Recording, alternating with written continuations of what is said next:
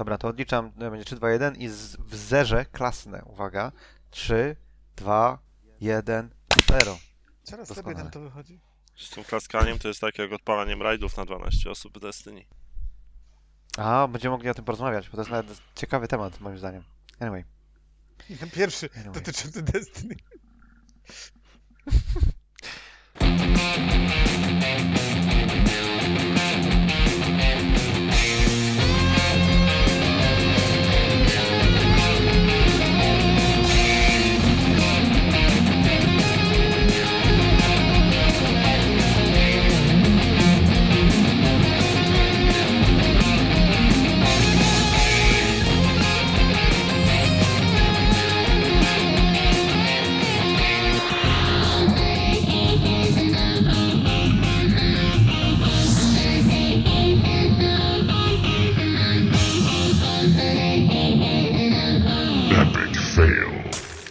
Startuj Zaratulu. Dzień dobry, witam bardzo serdecznie. Zapraszam do kolejnego podcastu Epic Fail, epizod numer 175. Witam bardzo serdecznie Blizzarda Beast Dzień dobry. i Marcina Wroga, Dzień dobry.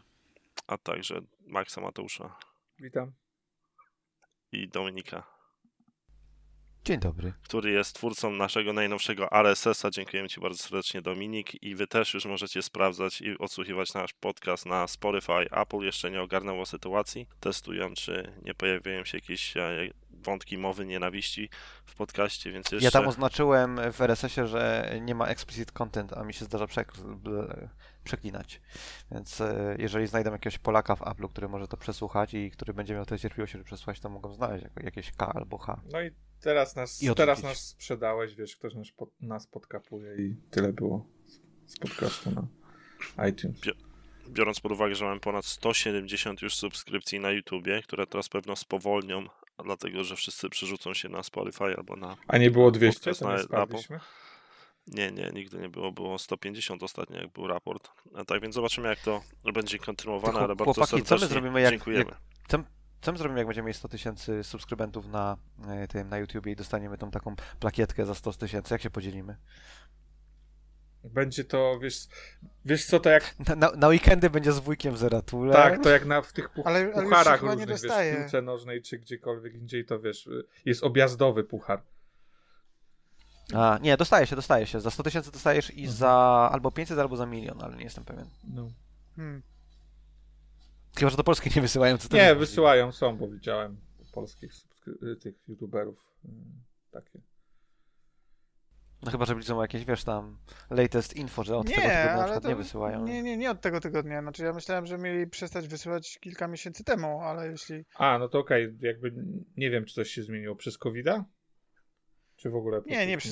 Nie, chyba nie wszystko. Nie, Za dużo- Za dużo nie, kanałów na nie, 100 No. tysięcy, było łatwo kupić No, sobie no. suby. Może teraz 100 tysięcy to wiecie, tak jak te 150 naszych e, subskrybentów, to jest nic. Tak będzie.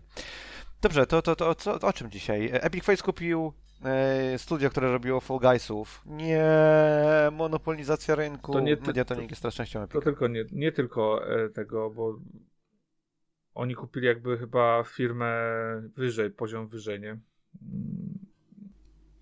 A mi się wydawało, że to było niezależne studio Mediatonic. Eee, z tego co wiem, Epic kupił. Mówię, spo, sporo studiów mu teraz wpadło w, e, w, do portfolio.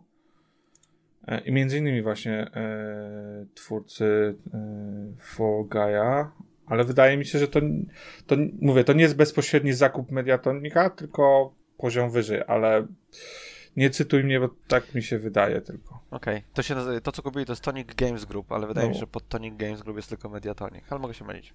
Spoko. Tak czy owak? Nie.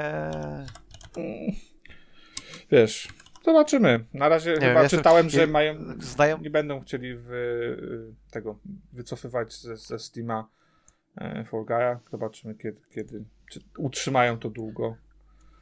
A dlaczego mieliby chcieć to wysyłać?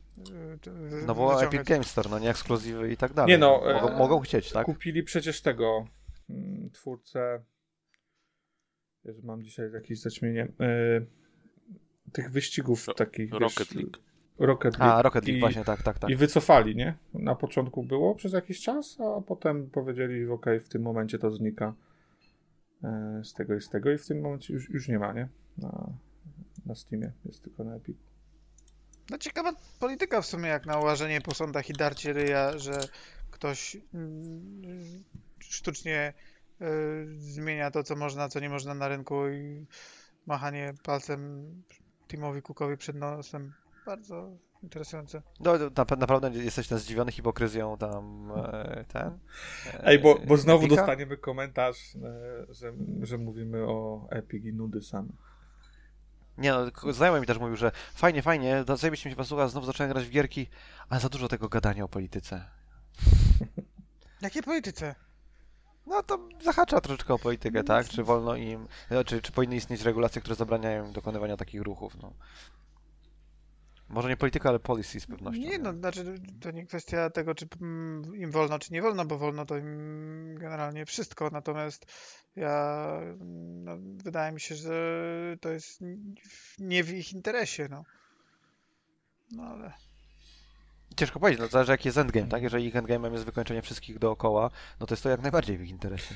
Wiesz co, teraz czytam, że na pewno w tym to jest Tonic Games Group i to jest właśnie Mediatonic, Irregular Corporation, Fortitude Games, co najmniej są e, kilka, st- Okidoki. kilka studiów w tym. Mówię, bo widziałem gdzieś zrzut jakby jakie gry tam trafią do portfolio e, portfolio Epica i tam, tam nie tylko był e, właśnie Fall Guy i oni wcześniej zrobili e,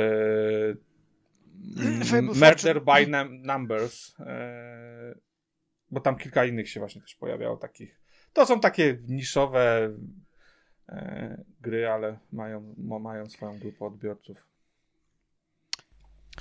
Dobrze, to o czym dalej chcecie porozmawiać? Może porozmawiamy o alienach. Widzieliście trailer? Nie widzieliście? Ja widziałem.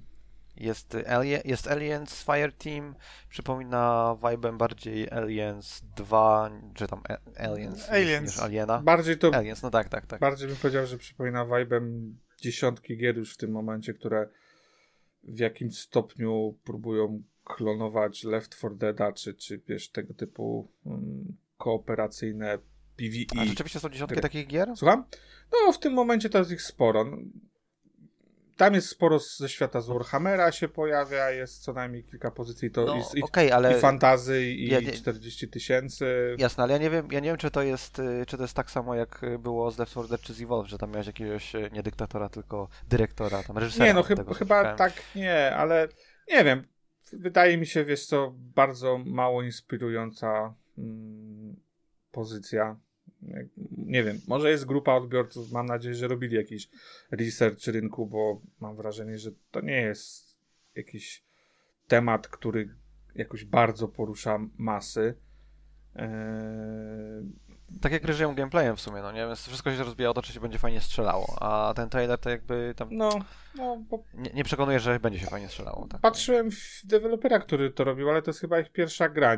Tam na ich stronie widziałem, że niby się chwalą, że wiesz, że firma złożona z weteranów, ale w dzisiejszych czasach to każdy właściwie mówi, no bo każdy gdzieś tam pracował wcześniej, powiedzmy prawie każdy i ma jakieś doświadczenie, więc to raczej PR-owy e, chwyt niż, niż faktycznie Ty, ale to jest znakomity segway, bo Zerato wrzucał też rewelacyjny trailer rewelacyjnej polskiej gry Land of War. Ale czekaj, bo Mówisz, ci że wszyscy- weterani, kontynuując wątek, to są ludzie, którzy pracowali nad takimi masowymi hitami jak Neverwinter czy e, Star Trek Online, czyli gry takie free to play bardziej w tym gatunku, a nie gry pokroju Left 4 Dead czy Evolve. Tak więc wzięli się za produkcję, która raczej jest trochę nie z ich, ich podwórka. Nie, mnie ten trailer nie przekonał Alienów. No, wygląda- podobnie Ale jak- jakieś, jakieś, jak ten- jakieś tam biznesowe mają, no bo licencje koniec końców udało mi się zdobyć. Nie? Może, nie jest może mają doświadczenie zdobywania licencji, a nie robienia gier. To No znaczy- widzisz. Ja mam wrażenie, Może, że... może jest to też obecnie też jedna z tańszych licencji. No, ja myślę, że to jest trochę na tym Przy całej, poziomie. mojej, przy całej mojej sympatii dla Aliens to nie jest coś, co ma jakieś szczególne branie obecnie chyba. Wiem, wiem na przykład, że wiesz, kupienie licencji Warhammera to, to jest, nie ma zero problem. Robisz co chcesz. Mo, może z Alienem też nie jest, nie jest tak jakoś szczególnie e, trudno. Strzelam, że jeszcze zważywszy na to, że nie zakładam tam, że będzie jakaś fabuła. E, może, może mają jakieś wytyczne, wiesz, że jeżeli coś jest z fabułą, to, to powiedzmy ciężej jest to sprzedać, muszą to nadzorować i jakieś tam opłaty są większe, ale to jest strzelanka, wiesz, wrzucają co, wszystko do jednego kotła i hura, nie przejmują się lolem. Gorzej niż Colonial Marines nie będzie, aczkolwiek Pewnie nie. wątpię, żeby to było. Może być gorzej. Z drugiej strony Isolation, które wyszło, e, zabrało słabe noty, a moim zdaniem była to jedna z lepszych gier poprzedniej generacji. Ja właśnie się Nie, no, zas... zebrało średnie noty, nie powiedziałbym, że zebrało słabe, słabe noty. noty? 6 na 10. Metacritic ma tam 80. No, znaczy, to powiedzmy, patrzę na game, to już tam nie... GameSpot 6 na 10, IGN 5,9 na 10, Metacritic średnia 83. Na, na, no to średnia 83 to chyba nie jest zła średnia. A to, że chcemy dowieść do tego, że IGN i GameSpot się nie znają, no to mm, trudno. Ja się. To, to jest. Też się jakoś kiedyś zastanawiałem nad tą grą, bo yy, jak patrzysz teraz z perspektywy czasu, to właściwie kogo nie zapytasz, to bardzo ciepło wspomina tą grę i raczej w, w, wyraża się pozytywnie o niej. Poza tam chyba jeden z głównych elementów, na które na, ludzie narzekają, to że jest za długa, co też jest e, e, różnie czasami to z tym bywa, bo raz gra jest za długa, raz za krótka. No ale tu chodziło o to, że content jest powtarzalny. E, generalnie robisz w kółko to to samo przez 20 parę godzin. E, może się znudzić, ale nie wiem. To jest też, mówię, ciekawy case oceniania jakichś gier po czasie i czy faktycznie te oceny są e, odzwierciedlają rzeczywistość. Nie? Na zasadzie takiej, czy porównując. Tak, te, te oceny nie odzwierciedlają rzeczywistości, chodzi mi- tylko odzwierciedlają czymś opinię. no Chodzi mi, Tak, wiesz, chodzi mi o to, że jak porównasz inną grę, czy na przykład ta nie została potraktowana z jakiegoś powodu zbyt ostro. No bo też tak bywa, nie wiem, to jest case GTA 4, który zdobywał, wiesz, same dziesiątki, a po kilku miesiącach wszyscy, hmm, chyba jednak trochę za wysoko oceniliśmy tą grę. Są też w drugą stronę. trze- Trzeba pamiętać, że, ty, że ta gra ukazała się w 2014 roku, czyli w tym samym roku, w którym ukazała się e, gra Destiny, więc trudno było ją ocenić wyżej. Bierzmy to pod uwagę. Akurat Destiny Chciałem 1 nie było uwagę, że to- ocenione tak średnio to- też. Destiny ma średnią, Na pamięć powinieneś wiedzieć takie rzeczy, ziom. podobno. No właśnie, tak jak można było ocenić wyżej, jak Destiny zebrało oś- ósemki. No to był ten rok, w którym porządnie oceniono grę, nie to co teraz. Ale mi się wydaje, że to, czy gra została oceniona niesprawiedliwie, sprawiedliwie, czy tam cokolwiek, to jest bardziej zadanie dla historyków i dla ludzi, którzy zajmują się e, marketingiem, czy tam może... Ale to niekoniecznie nie jesteśmy trochę jakiś sposób- historykami w tym momencie. Nie, nie rozmawiamy o historii gamingu. No, no mo, może, może tak, tylko że to wymagałoby dogłębnej analizy, dlaczego akurat tak, a nie inaczej oceniono tą konkretną grę i wtedy możemy wyciągać wnioski, okej, spoko, oceniono ją źle, ponieważ kampania marketingowa była niedobra, albo oceniono ją źle, ponieważ, e, nie wiem, jakiś tam vertical slice, który, którego do, który dostali ludzie e, przed, przed releasem był nieodpowiedni. No, jakby to jest, tak, e, my możemy dużo opinii teraz e, na ten temat stworzyć, ale one są takie, no, tak samo są opiniami jak te recenzje i nie, nie za bardzo to poszerza naszej wiedzy na ten temat, nie? Anyway, chciałem wrócić do mojego zajebistego segwaya, który się zamordowali, że o, ktoś to ma doświadczenie, pracuje na Aliens e, Fire Team, a tutaj Zeratul się chwalił e, Land of War, polską grą. To powiedz Zeratulu, powiedziałeś, że mocna. Napisałeś. bo- Mocny to tam jest trailer, gdzie e, jacyś wannabe raperzy rapują po e, angielsku. Tak z ciekawości właśnie wszedłem na YouTube'a i chciałem odsłuchać ich produkcje jakieś dotychczasowe, to reszta piosenek jakieś była po polsku. Trochę mnie to szokowało, kto wpadł na tak genialny pomysł, żeby zrobić tra- trailer gry z II wojny światowej, w którym e, motywem przewodnim jest muzyka rap, a z drugiej strony jeszcze zatrudnić polskiego rapera, który będzie rapował po angielsku. No, ciekawy pomysł. Może to był jakiś pomysł właśnie na to, żeby zyskać. A do drugiej, woj- do drugiej wojny światowej to tylko metal pasuje, czy nie wiem? No rap tak średnio moim zdaniem. Nie wiem, ty widziałeś. Znaczy taki blokerski polski rap do II wojny światowej pasuje tak sobie. Z drugiej strony e, jakby target jest w miarę zbliżony, bo poziom, poziom produkcji, jaki, jakiego ja oczekuję po Land of War, to jest właśnie taki tam dres z czterema paskami. A kto to robi? Te, w te, tego typu. E, Robi to e, MS, czekaj, MS Games. MS Games się nazywają. Ja aż sprawdziłem, co to jest to MS Games, bo byłem szalenie ciekawy. I otóż co udało mi się znaleźć. MS Games zostało założone przez dwóch ziomków, e, Stabryła i Binik się nazywają, i mają firmę również Stabryła i Binik, która zajmuje się wydawaniem gier, ale żadnej gry nie wydaje z tego, co mi się udało znaleźć. Mają e, 27-28 lat i ich główny programista był nauczycielem programowania w C-Sharpie i od roku jest głównym programistą w ich, e, w ich firmie. E, Na stronie można poczytać o grze, w grze są takie, e, takie można poznać, takie postacie będzie można spotkać, jak na przykład e, polski oficer albo Niemiec. No, To tego bym jest, się e, spodziewał po grze o II wojnie światowej. No dobrze, ale jak masz stronę, dobrze, na której to- to- to jest- postacie... Będzie można A jest, do, jest historycznie dokładna, no nie wiem, czepiasz się. Tak, no, właśnie, bardzo dobrze wiernie. Jest oficer czołgu. Nie, tam fajny motyw ma być, że ona ma opowiadać chyba o kampanii wrześniowej tak naprawdę, to więc to, to może być Między ewentualnie- innymi będziesz skakał między wieloma tam... e, Aha, to takie jak Call of Duty. No pff, co najmniej. Czy jest gatunkiem się panowie podzielili? Bo ja nie widziałem trailera i... Na FPS. A nie, to jest, to jest shooter, shooter z pierwszej osoby. Powrót do korzeni najlepszych y, shooterów, czyli właśnie takie wczesne Call of A to jest single player only, czy, czy multi? A tego nie wyjawiają, a przynajmniej nie widziałem takiej informacji. Nie, ja tam trzymam kciuki za dwóch panów. Jeżeli mają ambicje, żeby zrobić fajne gry, to nawet jeżeli im nie wyjdzie, to może będą e, bogatsi doświadczeniem z tego. To jakoś na dwie osoby produkujące gry to aż tak tragicznie, nie wyglądało. Nie, nie, tam jest więcej. W firmie pracuje chyba z 15 osób, no nie? Aha. Ale y, ten, ale tych dwóch ziomków jest założycielami. Nie, to takie rzeczy, wiesz, śmiechy śmiechami, bo ten trailer no, to, taka tragedia, ale ogólnie to, jeżeli mają panowie ambicje, to tylko trzeba trzymać kciuki i liczyć, że będą e, nowymi Kicińskimi. A... Zrobienie gry jest naprawdę bardzo ciężkie. No, jemy to wiemy, oni tego nie wiedzą.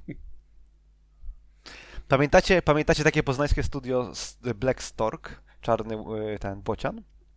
Nie bardzo. A, widzicie. A powinniśmy? Oni zatrudnili. O kurde, panowie, no. no to, było, to było studio, które tam ileś jakichś super e, newsów miało, typu, że polscy pisarze fantazy, którzy są publikowani, będą pisali fabuły dla nich i tutaj mają umowę z tym śmowym. Już nie pamiętam, z którymi pisarzami fantazy, to nie ma jakiegoś dużego znaczenia. Sapkowski? Ten jakiś tam. Słucham? Sapkowski podpisał nową umowę. Nie, nie, nie. To nie był Sapkowski w każdym razie. Wszyscy poza Sapkowskim. E, ludzi tam sprowadzali z zachodu, żeby pracowali nad grą. Generalnie firma e, urosła do tam kilkudziesięciu, bli- blisko 100 osób, z tego co gdzieś tam kiedyś czytałem. E, I była w 100% finansowana przez e, ojca założyciela. Założyciel miał tam nie wiem, 23 czy 24 lata. Jego zdjęcia profilowe w internecie to, to on pali cygara na pustym stadionie, na którym ktoś gra, bo on jest zajebisty.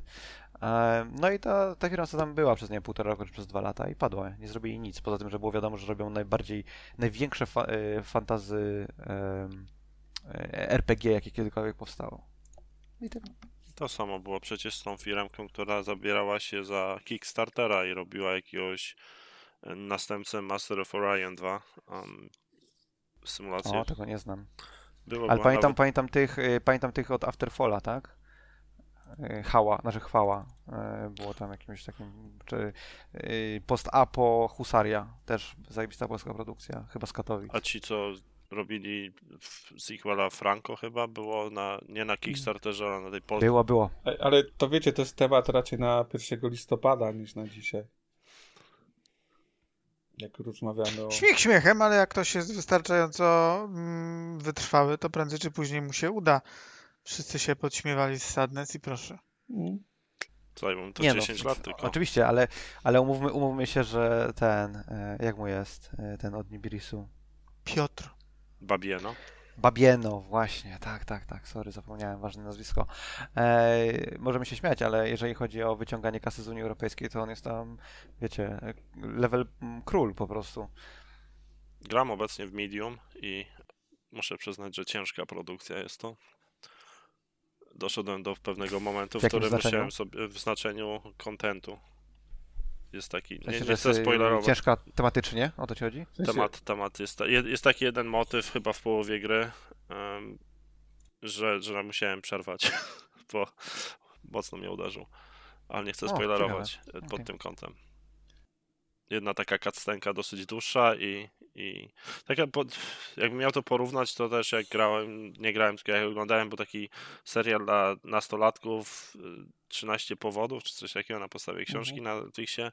To jak sied- siedliśmy właśnie z Lisą i obejrzeliśmy chyba ostatnie 5 odcinków naraz i tak tematyka ciężka, można powiedzieć. Trwa to tak Okej. 2-3 dni, potem już masz to w dupie, ale, ale jak to oglądasz, to, to atakuje twoje, twoje zmysły i wyobraźnię, jak jesteś rodzicem i potem, a, potem masz dużo do myślenia. Na szczęście nie jestem. I masz zero empatii. Wobec ludzi, no mam mniej na pewno niż wobec zwierząt. Taki jestem zły człowiek. Dobrze, to już po- poznęcaliśmy się nad polską produkcją. Ja tak, ja się zbijam z nich, no nie, ale zbijam się dlatego, że wiem, jak zajebiście trudno jest zrobić grę. Nie dlatego, że ją zrobiłem, tylko dlatego, że jej nie zrobiłem, bo wiem, że jest zajebiście trudno. E, więc tam życzę im powodzenia, ale nie wróżę, żeby to była jakaś super produkcja. Niestety. Swoją drogą, było takie studio, ono chyba, oni są chyba z Trójmiasta. E, oni na licencji Terminatora jakiś czas temu zrobili grę, Mhm. no nie? I ona całkiem dobrze sobie poradziła. Właśnie, ona podobno, ona podobno jest y, naprawdę, naprawdę dobra. Miała- Na grę taką double A to jest, to jest świetna. Wiesz co, miała trudny start, e, bo ja śledziłem to na, na Steamie i zaczęło się chyba od mieszanych tam recenzji, ale potem jakoś nabrało, e, nabrało skrzydeł. Widziałem kilka streamów, generalnie wiesz, ludzie się pozytywnie wypowiadali o klimacie, tak? O tym, że co najmniej co dobrze zrobił deweloper, to odrobił pracę domową i zrobili grę w uniwersum, które rozumieli, lubili e, i to widać. To się nazywało Terminator Resistance, a oni się nazywają Teon, zdaje się, nie? Mhm. To było to? Chyba tak. Tak, No. I Oni tam patche Nie skończyłem wydawali, tej gry. więc ale mam ją gdzieś tam rozdłubaną. na pewno myślę, że wiesz, też uderza fa fajnie w nostalgię. Nie jest, wiesz, e, nie jest to krab tak, że po prostu zastanawiam, lubisz powiedzmy serię jakąś i e, chciałbyś ją kontynuować, ale to jest taki krab, że aż po prostu e, zęby ci trzeszczą. To jest na tym poziomie, że połączenie nostalgii z tym, że jest gra kompetentna, że robi pewne elementy e, ciekawie, e, chyba jakby to powoduje, że wiesz, że, że ostatecznie e, spędzasz miło e, czas, nie? Mhm.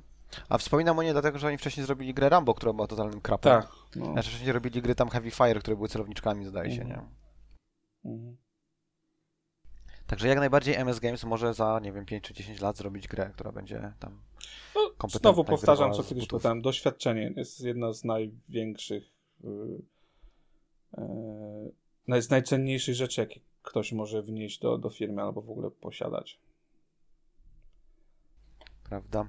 Poza tym Elden Ring, y, gra, którą robi From Software i R.R. Martin, George R. R. Martin, tam palca u nogi za, zamoczyła, tyle robienia z niego, ale... Nie no, wy- wymyślił 24 postacie, z których 22 zginą. To prawdopodobnie był jego wkład. O, po prostu jak widziałem, co się w internecie dzieje w tym momencie, jak te, jak wiesz, przecieki się pojawiły, to się za głowę łapałem. Nie wiem, mnie kompletnie... O Elden Ringu mówisz? Tak, mnie kompletnie ta, ta gra... Nie wiem, nie... To Żeby może, może zacznijmy od tego, o czym jest, o czym jest news. News jest o tym, że e, po pierwsze Elden Ring prawdopodobnie w tym roku, roku nie wyjdzie, bo strasznie From Software oberwał ze względu na pandemię, a po drugie e, wyciekł jakiś tam screener, nazwijmy to, czyli kamerą nagrany fragment trailera. To chyba fragment, Widziałem nie? ten fragment 20 fragmentu. sekund to zna jakoś, nie? Mhm, mhm. No, widziałem ten fragment i tak jakby... Okej. No, też to samo, a wiesz, tam ludzie nie już, widać jak, to za, jak to zajebiście wygląda, mój Boże, to jest po prostu 10 na 10 gra i tak dalej. No, no okej, no widać, że po prostu strasznie ludzie czekają na tą pozycję i no spoko, nie, no niech się, no, trochę chodzi o to w grach, że no niech się, niech się jarają, no widać, że to jest gorący temat i Mhm. myślę, że e, że gdyby na przykład tutaj ktoś mieszał z ekskluzywnością, czy to po stronie Microsoftu, czy Sony, to można sporo ugrać. To, to, jest, to będzie. Raz, że sporo ugrać, ale też sporo hejtu zebrać w internecie, no nie, że jest taki tam fanbase rzeczy Też, hejt to zawsze się będzie pojawiał. Wiesz, no, ludzie hejtują, że Sony ma wyłączność na Final Fantasy VII Remake. Koniec końców sprzedał się. Do końca kwietnia chyba tylko, do, do końca maja chyba. E, Teoretycznie, ale zobaczymy jak to, bo to jest inny temat, bo teraz e, zapowiedzieli e, nową wersję, która się pojawia 10 czerwca.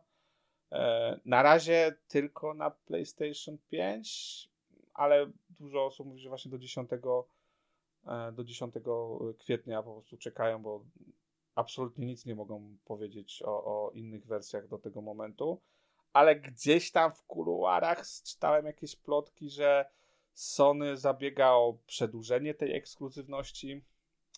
Teraz w, w marcu się pojawia na PlayStation Plusie e, też właśnie remake e, wersja za darmo w cudzysłowie. Po prostu trzeba mieć plusa. Niestety to jest ta wersja, która, której nie będzie się dało zupgrade'ować do, do tej wersji, która wyjdzie 10 czerwca, no ale e, i tak myślę, że pewnie mm, część osób może być zadowolona. Tak czy siak, no zobaczymy. Po 10 e, kwietnia pewnie wiele się okaże, czy... Zakładam, że na PC prędzej może Sony będzie chciało tutaj ugrać jeszcze ekskluzywność konsolową, ale to spekulacje na ten moment. A ty w rogu coś zacząłeś mówić, sorry? Nie, nic nie mówiłem. Coś mówiłeś, widziałem, że mówiłeś. No ale wróćmy do tego Elden Ringa, nie? Bo tu pewnie trzeba temat zakończyć. Bo właśnie o tym w rogu chciał coś powiedzieć. Czy mówiłem, że tam nic nie widać w tym materiale, co wyciekł? Widać narrację, która Jak się- brzmi, jakby ktoś obejrzał kiedyś Lord of the Rings i stwierdził, o kurwa, zajebiste, zrobię lepsze. Pamiętacie pewną osobą, osobę z forum e, Deo Plusa, która przy, przy premierze Deu, tego Deus Exa e, e, Dar, Demon Soulsa czy Dark Soulsa, nie pamiętam, czy to było chyba przy którejś w każdym temacie poruszał temat, jaka ta gra po prostu jest absolutnie fenomenalna. Nie, nie będziemy mówić, że to jest Rajkoch, bo, No. bo, bo jego ego wzrośnie, No że właśnie, został wspomniany w podcaście. no, ale dziękuję. Ale było, Proszę. było. Dark Rajkoch, pozdrawiamy. To trochę na tej, Mam na nadzieję, tej, na tej lepiej. zasadzie, tak? Jak, jak to wiesz, przekonywał, jak tam jest po prostu fabuła wspaniała, jak to jest wszystko wspaniale tam poprowadzone, przemyślane i po prostu wizjonerska gra. Było, było. Było, było. To prawie tak jak y, Zeratul z Destiny, nie? Mhm. E, co dalej? E, Microsoft pokazał Pokémon Go HoloLens demo, które jest gównione. Grałeś? Tak jakby, ja nie, nie rozumiem, w sensie, ja, ja rozumiem, że jeżeli jesteś producentem VR albo jesteś producentem jakiegoś takiego czegoś jak HoloLens albo, nie wiem, Google Glasses, whatever, no nie? To chcesz w jakiś sposób zaprezentować e, swój produkt ludziom, ale naprawdę, na Boga, nie da się przedstawić wirtualnej rzeczywistości w trailerze na YouTube. No po prostu fizycznie jest to niewykonalne. Wygląda to dziwnie, absolutnie, absolutnie, absolutnie dziwnie. Ziomek w okularach porusza się nienaturalnie, ponieważ ma okulary, które mu troszeczkę psują możliwość oglądania świata. Yy, więc wyglądasz śmiesznie na tym trailerze i pokazujesz na tym trailerze jakieś, jakieś rendery, czy tam wyrenderowaną postać Pikachu rodem wyciągniętą, nie wiem, z roku 2001. Ale to, Wygląda to, to akurat nie ma znaczenia, to na Pokémony z roku 2021 wyglądają to samo. Okej, ale mają oświetlenie chociażby lepsze, tak? A tutaj masz taki flat shading, że to masz razi. Ja to myślałem, że w ogóle Microsoft z HoloLensu się wycofał, a to jednak żyje ciągle. Nie, nie, to żyje, bo to, to, jest, to jest całkiem spoko use case dla biznesu. Ja Ale to rozumiem, można że kupić? raczej w tym kierunku idą. tak normalnie, nie wiem, bo ja nie, nie widziałem nigdzie reklam tego, jakichś ofert kupna. Nie, bo to są jakieś tam pilotażowe projekty typu, nie wiem, e, fabryka, która wykorzystuje HoloLensa, albo wykorzystanie HoloLensa do jakiejś tam prezentacji e, vice president level, koncepcji czegoś tam, To no po nie? co To Pokemony raczej w taka to rzecz mieszają? z mojego... Z, mo- z, słucham? To czemu Pokémony w to mieszają? Właśnie nie rozumiem. To jest, to jest jakby ktoś gdzieś stwierdził, kurwa, dawno żeśmy nie mówili o HoloLensie w kontekście giereczek, pokażmy. Tak to dla mnie brzmi. jest to Szczególnie jeszcze nie IP, nie? Bo to już w ogóle... Może to o to chodzi, tak? Zobaczcie, mamy dobre tam, kręcimy lody z Nintendo. Wink, wink. No, bo poza tym to nie, tak jakby nie rozumiem sensu tego e, Pikachu. Me. Me. E, Coś tam o Final Fantasy VII mówiłeś, to już te pokrywa ten No, news, którego nie czytałem, co, że Final co, Fantasy VII no, do, Remake? Dodać, że 10 czerwca pojawia się pełniejsza wersja, która z jednej strony będzie zawierała techniczne poprawki. Mam, mam nadzieję, że naprawią te wszystkie problemy z teksturami, ze streamingiem tekstur, która się pojawiła w remake'u. E, oczywiście nowe oświetlenie, bla bla bla, takie techniczne rzeczy. Mm, plus do tego pojawi się kilka zmian, jeżeli chodzi o fabułę. E, na pewno się pojawia mm, dodatkowe chaptery z, z, pos- no, z nową postacią, znaczy nową, starą postacią. Nie wiem jak Juffy, Yuffie, nie wiem jak to. e, po- Jak ja byłem w liceum, to się mówiło, to się mówiło Yuffie albo Jafi. Eee, tam gdzieś w ogóle jest e, nawiązywanie do, do innych kompilacji Final Fantasy VII w tym wszystkim. No, generalnie taka Ultimate edycja. E, myślę, że, że osoby, które, które nie grały, to, e, to będą e, zainteresowane. A inne mogą chyba, tam jakaś jest, powinna być opcja upgrade'u za 10 czy 20 dolarów, e, żeby dostać te dodatkowe chaptery. Tyle no. Mówię, jakby ja czekam, bo nie grałem. Czekam na, na wersję.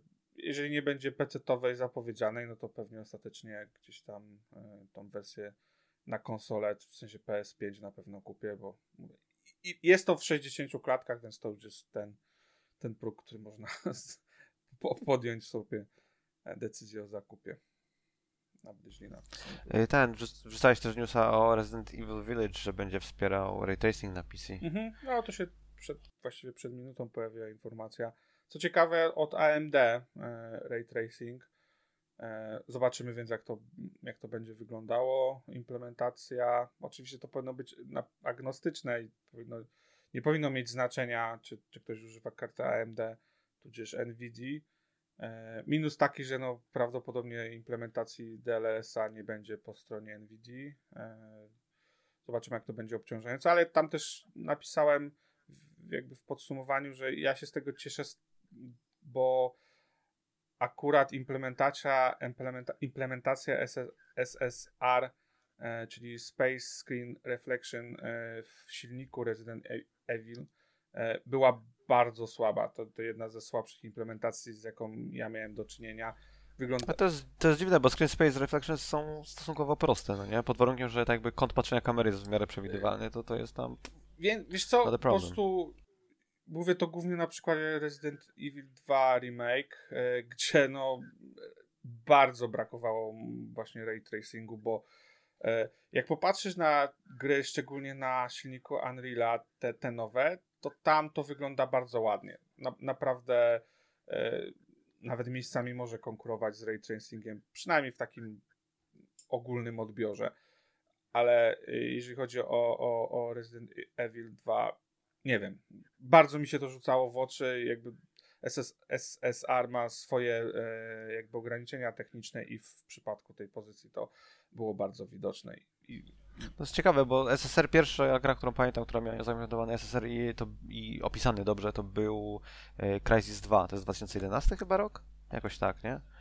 W każdym razie e, w drugim Crysisie mieli też Space Reflections, miałeś tam e, odbicia, nie wiem, tam na przykład w wodzie na podłodze e, odbijało się cała, cała miejscówka, w której się znajdujesz i ta technologia, ta, ta jakby ich implementacja jest na tyle stara, powiedzmy, że ona Mhm. obecnie chodzi na absolutnie wszystkim. Możesz ją stwikować dla swoich potrzeb, jeżeli potrzebujesz też e, SSR-a na innych powierzchniach, że tylko na podłodze, bo Tak. podłoga jest, umówmy się, najprostsza, nie? E, więc to jest dziwne, że, że, że tam Resident Evil No, e, Engine słabo to problem. wyglądało. Ale- ciężko mi powiedzieć, dlaczego tak, tak było i e, akurat, wiesz, sporo było gdzieś tam wody, sporo odbić takich e, w tej części, gdzieś to, przynajmniej w moim, dla mnie się to rzucało, więc zobaczymy, spoko. Niech to, niech to używają. Ciekawe, czy, czy właśnie przez to, że to jest używane, e, czy powiem, sygnowane przez AMD, nie pojawi się jakaś opcja na konsolach, wiesz, w wersji 30 klatek i, i e, Mhm, RTX, mhm. znaczy nie RTX, tylko Ray Tracing, e, plus 60 klatek i, i bez tego wszystkiego. Jakby wcale bym się nie zdziwił, gdyby tak, tak było i powiedzmy za, nie wiem, miesiąc czy dwa jeszcze przed premierą e, da, podaliby taką informację. Cool, cool. Eee, dobra, to rzecz, która mi się bardzo, bardzo, bardzo podobała. Jest sobie gierka, nad którą pracuje Arcane Leon bodajże. Deathloop się nazywa gra. E, I to jest e, gra mm, shooter, powiedzmy, z pierwszej osoby, w którym jesteś zabójcą, trafiasz na wyspę i masz dzień na zabicie ośmiu e, celów na, tym, na tej wyspie. Przy czym jest to mm, dodatkowo dzień świstaka, to znaczy za każdym razem jak zginiesz lub za każdym razem jak się skończy czas, to resetuje się stan wyspy. Częściowo, ale nie w całości resetuje się stan twojej postaci i masz kolejne podejście do e, swojego celu. Jest filmik, on chyba w piątek też Roguelite taki trochę. E, Nie, tam to nie jest losowe, to jest bardziej bym to porównał do Hitmana z ograniczeniem czasowym. Bo to bardziej tego, albo, albo nie wiem, tam. e, Chociaż to przechodzenie, wiesz, tych umiejętności, nie? No to jest taki element roguelite'owy. Ale tak, może na że bliżej w sumie. No. Czy ja wiem, znaczy to nie jest, to nie jest kluczowe dla roguelike'ów, bo akurat ro, kluczową może rzeczą dla rogalików moim zdaniem to jest to, że y, permadev, no nie? I losowość y, Ale to, świata. to mówisz To są o dwie kluczowe, e, kluczowe feature'y. e, roguelike, a ja mówię o roguelite'ach, nie? Bo to teraz trochę często A, okej, sorry. pojawia się Sorry. rozróżnienie, nie? Na, na te dwie kategorie. Od jakiegoś czasu widzę dużo. Ale Okej, szczerze szczerze mówiąc nawet nie wiedziałem, że, taki, że taka, ka- taka kategoria powiedzmy istnieje. No, Znaczy, okej, Chodzi okej. generalnie o to, że twoje, twoje pierwsze podejście ma, ma być zawsze najtrudniejsze i coś z tego nawet sfailowanego podejścia później przynosi się do następnego, żeby mieć troszkę, troszkę łatwiej. Okej, czaję. Anyway, to jest, to jest bardziej, e, no może, może to jest coś takiego, ale tu jest, e, powiedziałbym, że to jest... e, tutaj A. elementy puzzlowe, nie? Wchodzą też teoretycznie. No na- tak, tak, tak, tak, tak. To jest taki, taki puzzlowy, puzzlowy Dishonored powiedzmy z resetem, coś takiego. Mm. Tak można to nazwać. Wszyscy widzieli Um, trailer? Bo ja widziałem. nie wiem, czy- Ja widziałem, mi się bardzo, mi się bardzo podoba gra. Ja się Zarówno też na, z tego na, zwiastunu wiedziałem o co wchodzi w tej grze, bo już były chyba ze trzy prezentacje przy okazji jakichś różnych eventów tej Jup. gry i niby tam było, że to strzelanie, jakaś zabawa czasem, ale jakiś ten główny przekaz nigdy do mnie nie dotarło, co, co w ogóle w tej grze chodzi. Wreszcie to wyjaśnili jakoś konkretnie. A ty w rogu chciałbyś, żeby to się Jestem- pojawiło jest- na, na Xboxie? Bo na razie to jest ekskluzyw, nie wiem, czy pół roku, czy rok. No, rok, rok mają. Na pewno po roku trafi. No. Do Game Passa. Ja jestem wielkim fanem tego, co robi Arcane. E, Absolutnie każdy jeden pomysł na grę i każdą jedną grę, którą zrobili, e, uważam, że były stosunkowo No, świeże w porównaniu uważam, z tym, co jest rynku. Jestem... Jeżeli Microsoft tego nie zjebie za przeproszeniem, to, to zakup e, Bethesdy czy Zenimaxa i przy okazji zakup Arkane to jest jeden z lepszych zakupów. W sensie to jest jeden z ciekawszych deweloperów na, na rynku, który jest bardzo kreatywny. No. Miejmy nadzieję, że nie skończą to jak Rare, nie? Mm. Tam by z całym szacunkiem dla e, tam piratów e, z dnie Karaibów, ale, e, ale mimo wszystko nie, nie wszystkie akwizycje tego typu Microsoftowi się udały, nie? No ale wra- tak, no a wracając No, do tego, nie wiem. Nie wszystkie mądrze wykorzystał. Blizu, bo- Blizu Zeratul, co, co? No ale to się, ale to się do tego sprowadza, nie? No. Wiesz, no, zobaczymy. No. O Rare to, to znaczy ja uważam, że ten najczarniejszy, żywię nadzieję, że ten najczarniejszy okres jest za, em, za MSM, czyli pchanie paluchów w takie kreatywne rzeczy typu okej, mamy nowy mamy nowe urządzenie, nazywa się Kinect i od dzisiaj gry na niego robicie wy. I mam nadzieję, że już tego typu rzeczy. Chcecie powiedzieć, że to nie było tak, my, my, my, my zrobimy, my zrobimy. Dobra, wy zrobicie. Ale to Myślisz, że to nie było tak? z tego, co, Myślę, czy, że- z tego, co czytałem, to nie wiem jak teraz na pewno, e, ale nie wiem jak to było kilka lat temu, czy kilkanaście lat temu, ale z, e, czytałem, że to Rare sobie wybierało projekty, nad którymi chce pracować i na przykład Rare nie chce, nie chce pracować teoretycznie nad Banjo, Kazooie, czy, czy jakimkolwiek inną grą z ich portfolio poprzednią. Bo to też nie jest to samo Rare, które było wtedy, no nie? Jak to tam z Rare e, sprzed 20 lat jest dzisiaj w Rare? Nikt. To nie- No zobaczymy, nie chcą też pracować nad żadną inną grą, która by przyniosła im tego typu ym, No, jest famę, tego. więc Jest ten, jak to się nazywa? Wild? Everwild. Everwild, tak. Zobaczymy, no. No, zobaczymy, może to będzie dobra. No ale no, może zamykając temat tego Deadloopa, bo, bo Blizu ani Zeratul się też nie wypowiedzieli o, o, o samym projekcie. Zeratul jest na kolu w pracy, napisałem A, ci okej, na Messengerza. proszę, Nie zauważyłeś. Nie no, ja czekam, ale no, dopóki nie będzie e, wersji Xboxowej, no to nie zagram. E, więc interesuje mnie o tyle, o ile e, mam nadzieję, że będzie później. E, zarówno No, no bo to jest jedna z dwóch takich gier, tak? Yy, Drugą jest ten Ghostwire, który też chyba ma roczną. Ale, Mm. ale to nie Arkane Studio. Bethesda. Nie, nie, ale to jest, dru- ale to jest druga gra z, e, ekskluzywna, którą sobie Sony kupiło. Mhm. E, tymczasowo, no te gry będą wychodzić jednak z punktu widzenia Sony w diametralnie innej rzeczywistości. Dla mnie to jest w ogóle ciekawa sytuacja, no nie? Jesteś, jesteś sobie takim, nie wiem, Microsoftem powiedzmy, kupiłeś e, Zenimax slash BTSD e, i teraz pod, pod tobą jest studio, które ma jakiś e, deal na ekskluzywny powiedzmy z Sony. To jest okej, tak jakby to nie jest, to nie jest trudna rzecz do wyegzekwowania, żeby e, Sony, e, żeby po prostu dostarczyć tylko i wyłącznie Sony była roczna ekskluzywność czy whatever. Ale problem jest taki, co jeżeli na przykład Sony w tym momencie e, pracuje nad jakimś tam, nie wiem, super sekretnym dynksem, który e, który, nie wiem, Deathloop będzie wykorzystywał, czy to, nie wiem, technologia, czy to kawałek jakiegoś hardware'u, czy software'u, nieważne, no nie? I teraz studio podległe Microsoftowi, podległe Microsoft Studios, posiada informacje na temat rzeczy, które są de facto sekretne dla, e, z punktu widzenia Sony, no nie? Tak jakby, e, nie wiem jak to, nie wiem jak na poziomie prawnym to jest rozwiązywane, ale to mi się wydaje totalnym, totalnym tam bólem głowy dla kogoś. Wiesz co, zakładam, że i tak jest na to patent.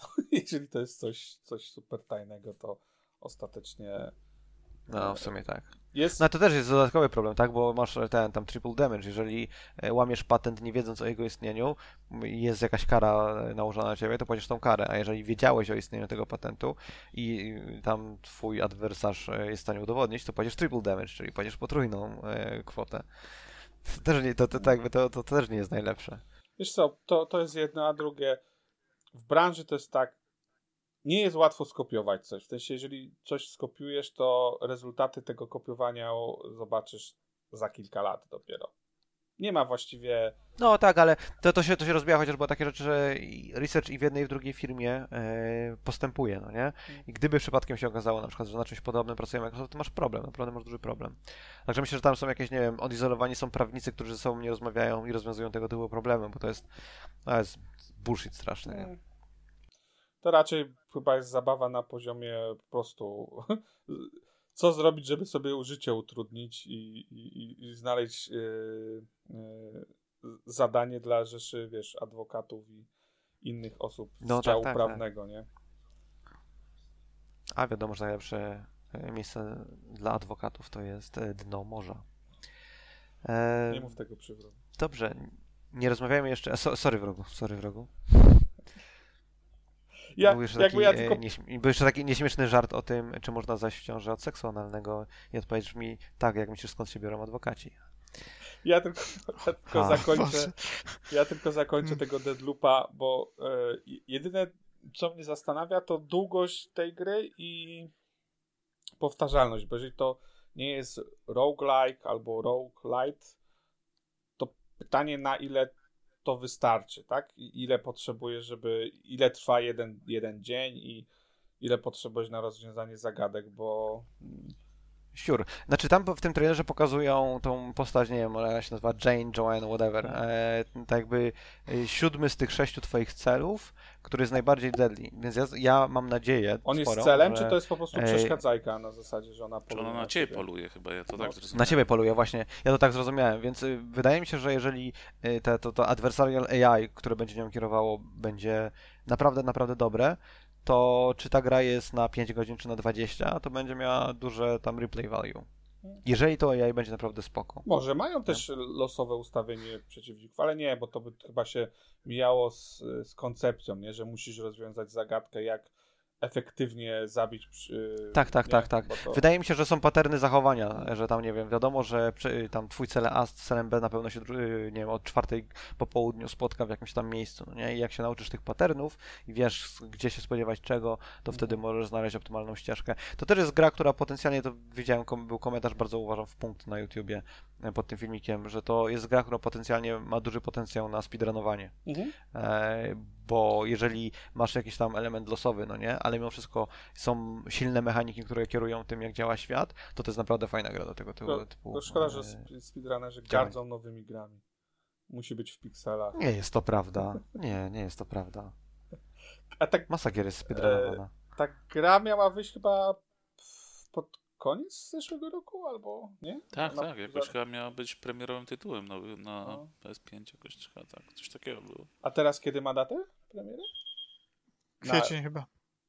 Nie. Kwiecień to jest re Returnal. Wydaje mi się, że później. Po. Yy... Ja to chcę sprawdzić, bo.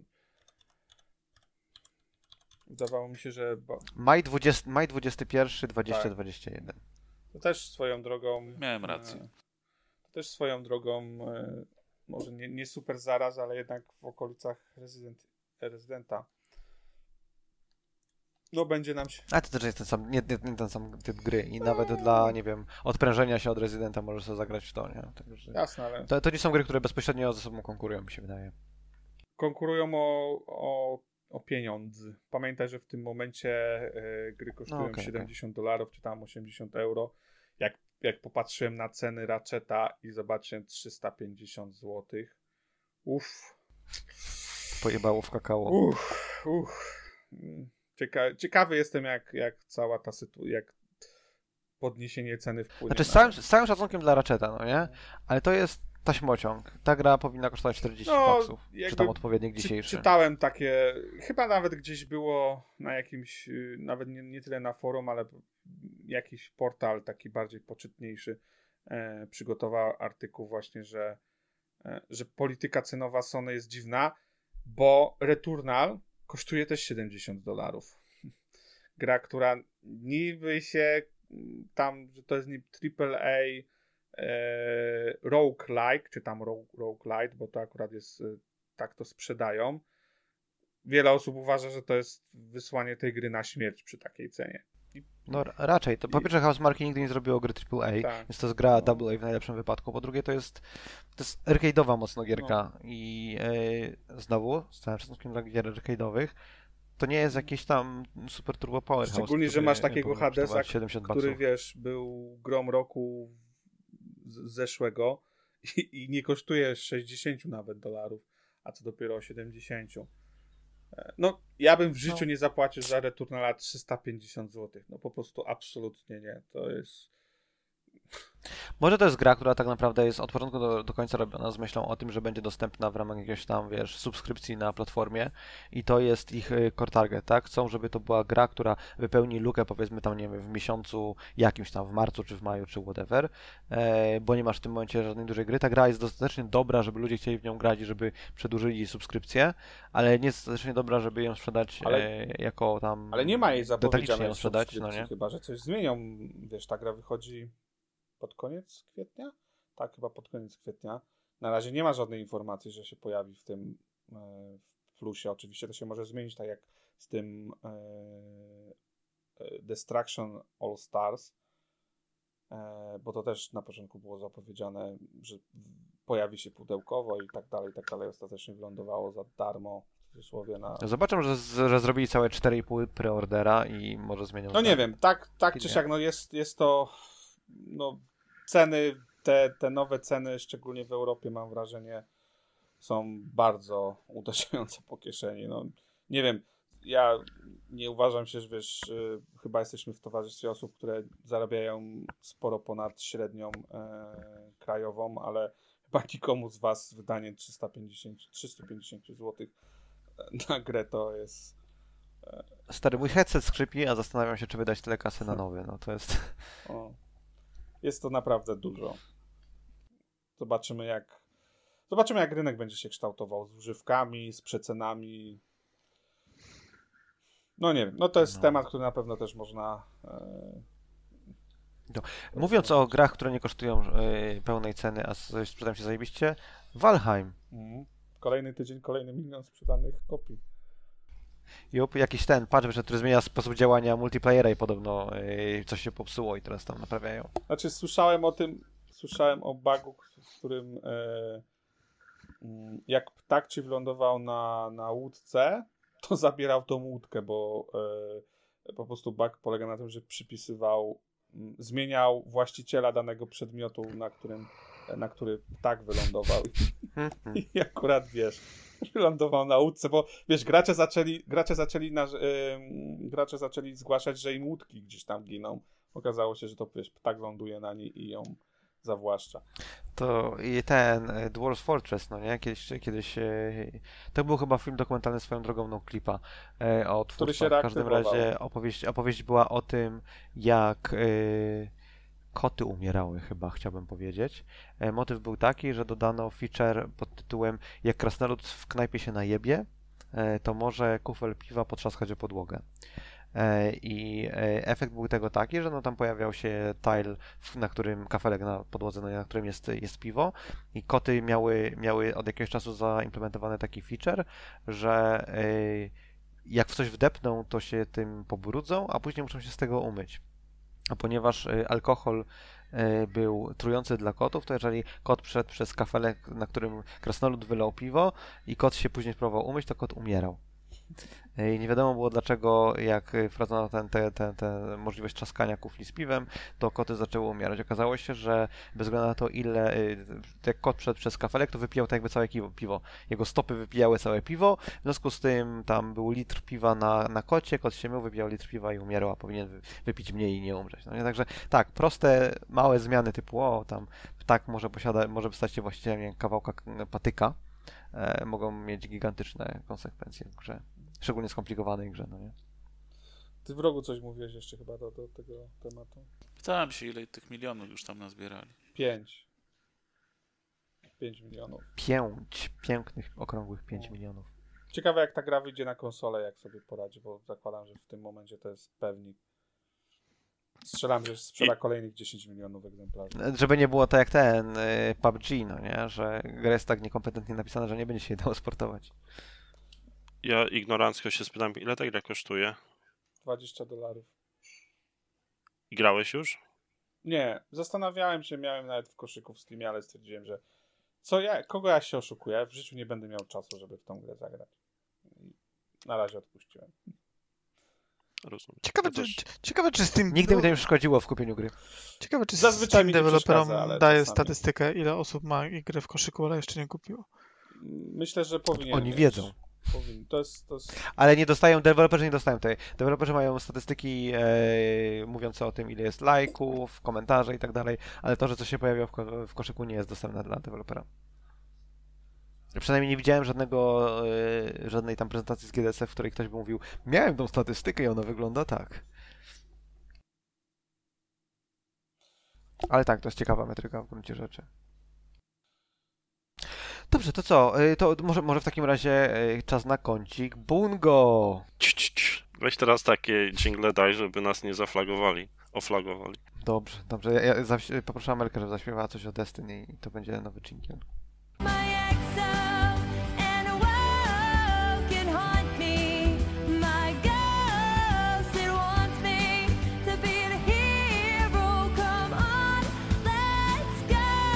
Albo użyjemy Brooklyn Bounce. Tylko, że jak ona nas Music is my destiny. za użycie i wiesz. Ulubioną piosenką mojej córki jest temat główny Pokémonów, w którym pojawia się właśnie słowo Destiny i zawsze jak I leci ta wanna be piosenka, the very best, like no one ever was. ciu, ciu, Tylko, że lepiej zaśpiewane oczywiście. a śpiewamy zawsze w aucie razem sobie. Ona ma fazy. Pierwszą fazą było Old Town Road, to była pierwsza piosenka numer jeden, potem była Seniorita, a teraz jest Pokémon. O kurwa, seniorita, mój Boże. Teraz będzie mi się śniło pewnie, albo będzie mi chodziło po głowie, nienawidzę cię. Rozmawiamy o Bungo. Można w Destiny 2 zagrać rajda na 12 osób. 16 rajda. nawet, Boże. O, jak się chce i postara. w rogu. Ja, jaką, naj- jakie największe party miałeś do tej pory? Ja się tym nie bawiłem. Ja grałem tylko 6 osób. W rogu tylko O, jaki nie jakieś tam uczciwy. oszustwa. Dwa razy grałem rajda na 12 osób. No, Skończyły się w dziesiątkę, bo dwie osoby poszły, myślały, że mogą sobie dołączyć i być AFK, a tam ciężko przejść do następnego odcinka, jak, jak ktoś się nie rusza. Ale jest zabawy trochę w tym, żeby połączyć się, bo trzeba blisko siebie mieszkać generalnie i synchronizować bardzo dokładnie czas odpalenia. Ale to na, na konsoli robiliście, czy na PC? na konsoli, na konsoli. Okej. A, fajna zabawa. Na czym polega ten trik? Tr- Trik polega, proszę. trik jest bardzo prosty. Masz dwa zespoły po sześć osób, czy po dwie osoby, po cztery osoby, ile chcesz. I, i jedna osoba odpala e, event, czy to jest jakiś raid, czy nightfall, czy jakaś inna atrakcja i odlicza. Mówi tak, przycisnę teraz przycisk start. 3, 2, 1, klaszczesz, jak u Rubika, albo jak przy nagrywaniu podcastu Epic Fail. W chwili, gdy mówisz 1, to druga osoba dołącza do ciebie.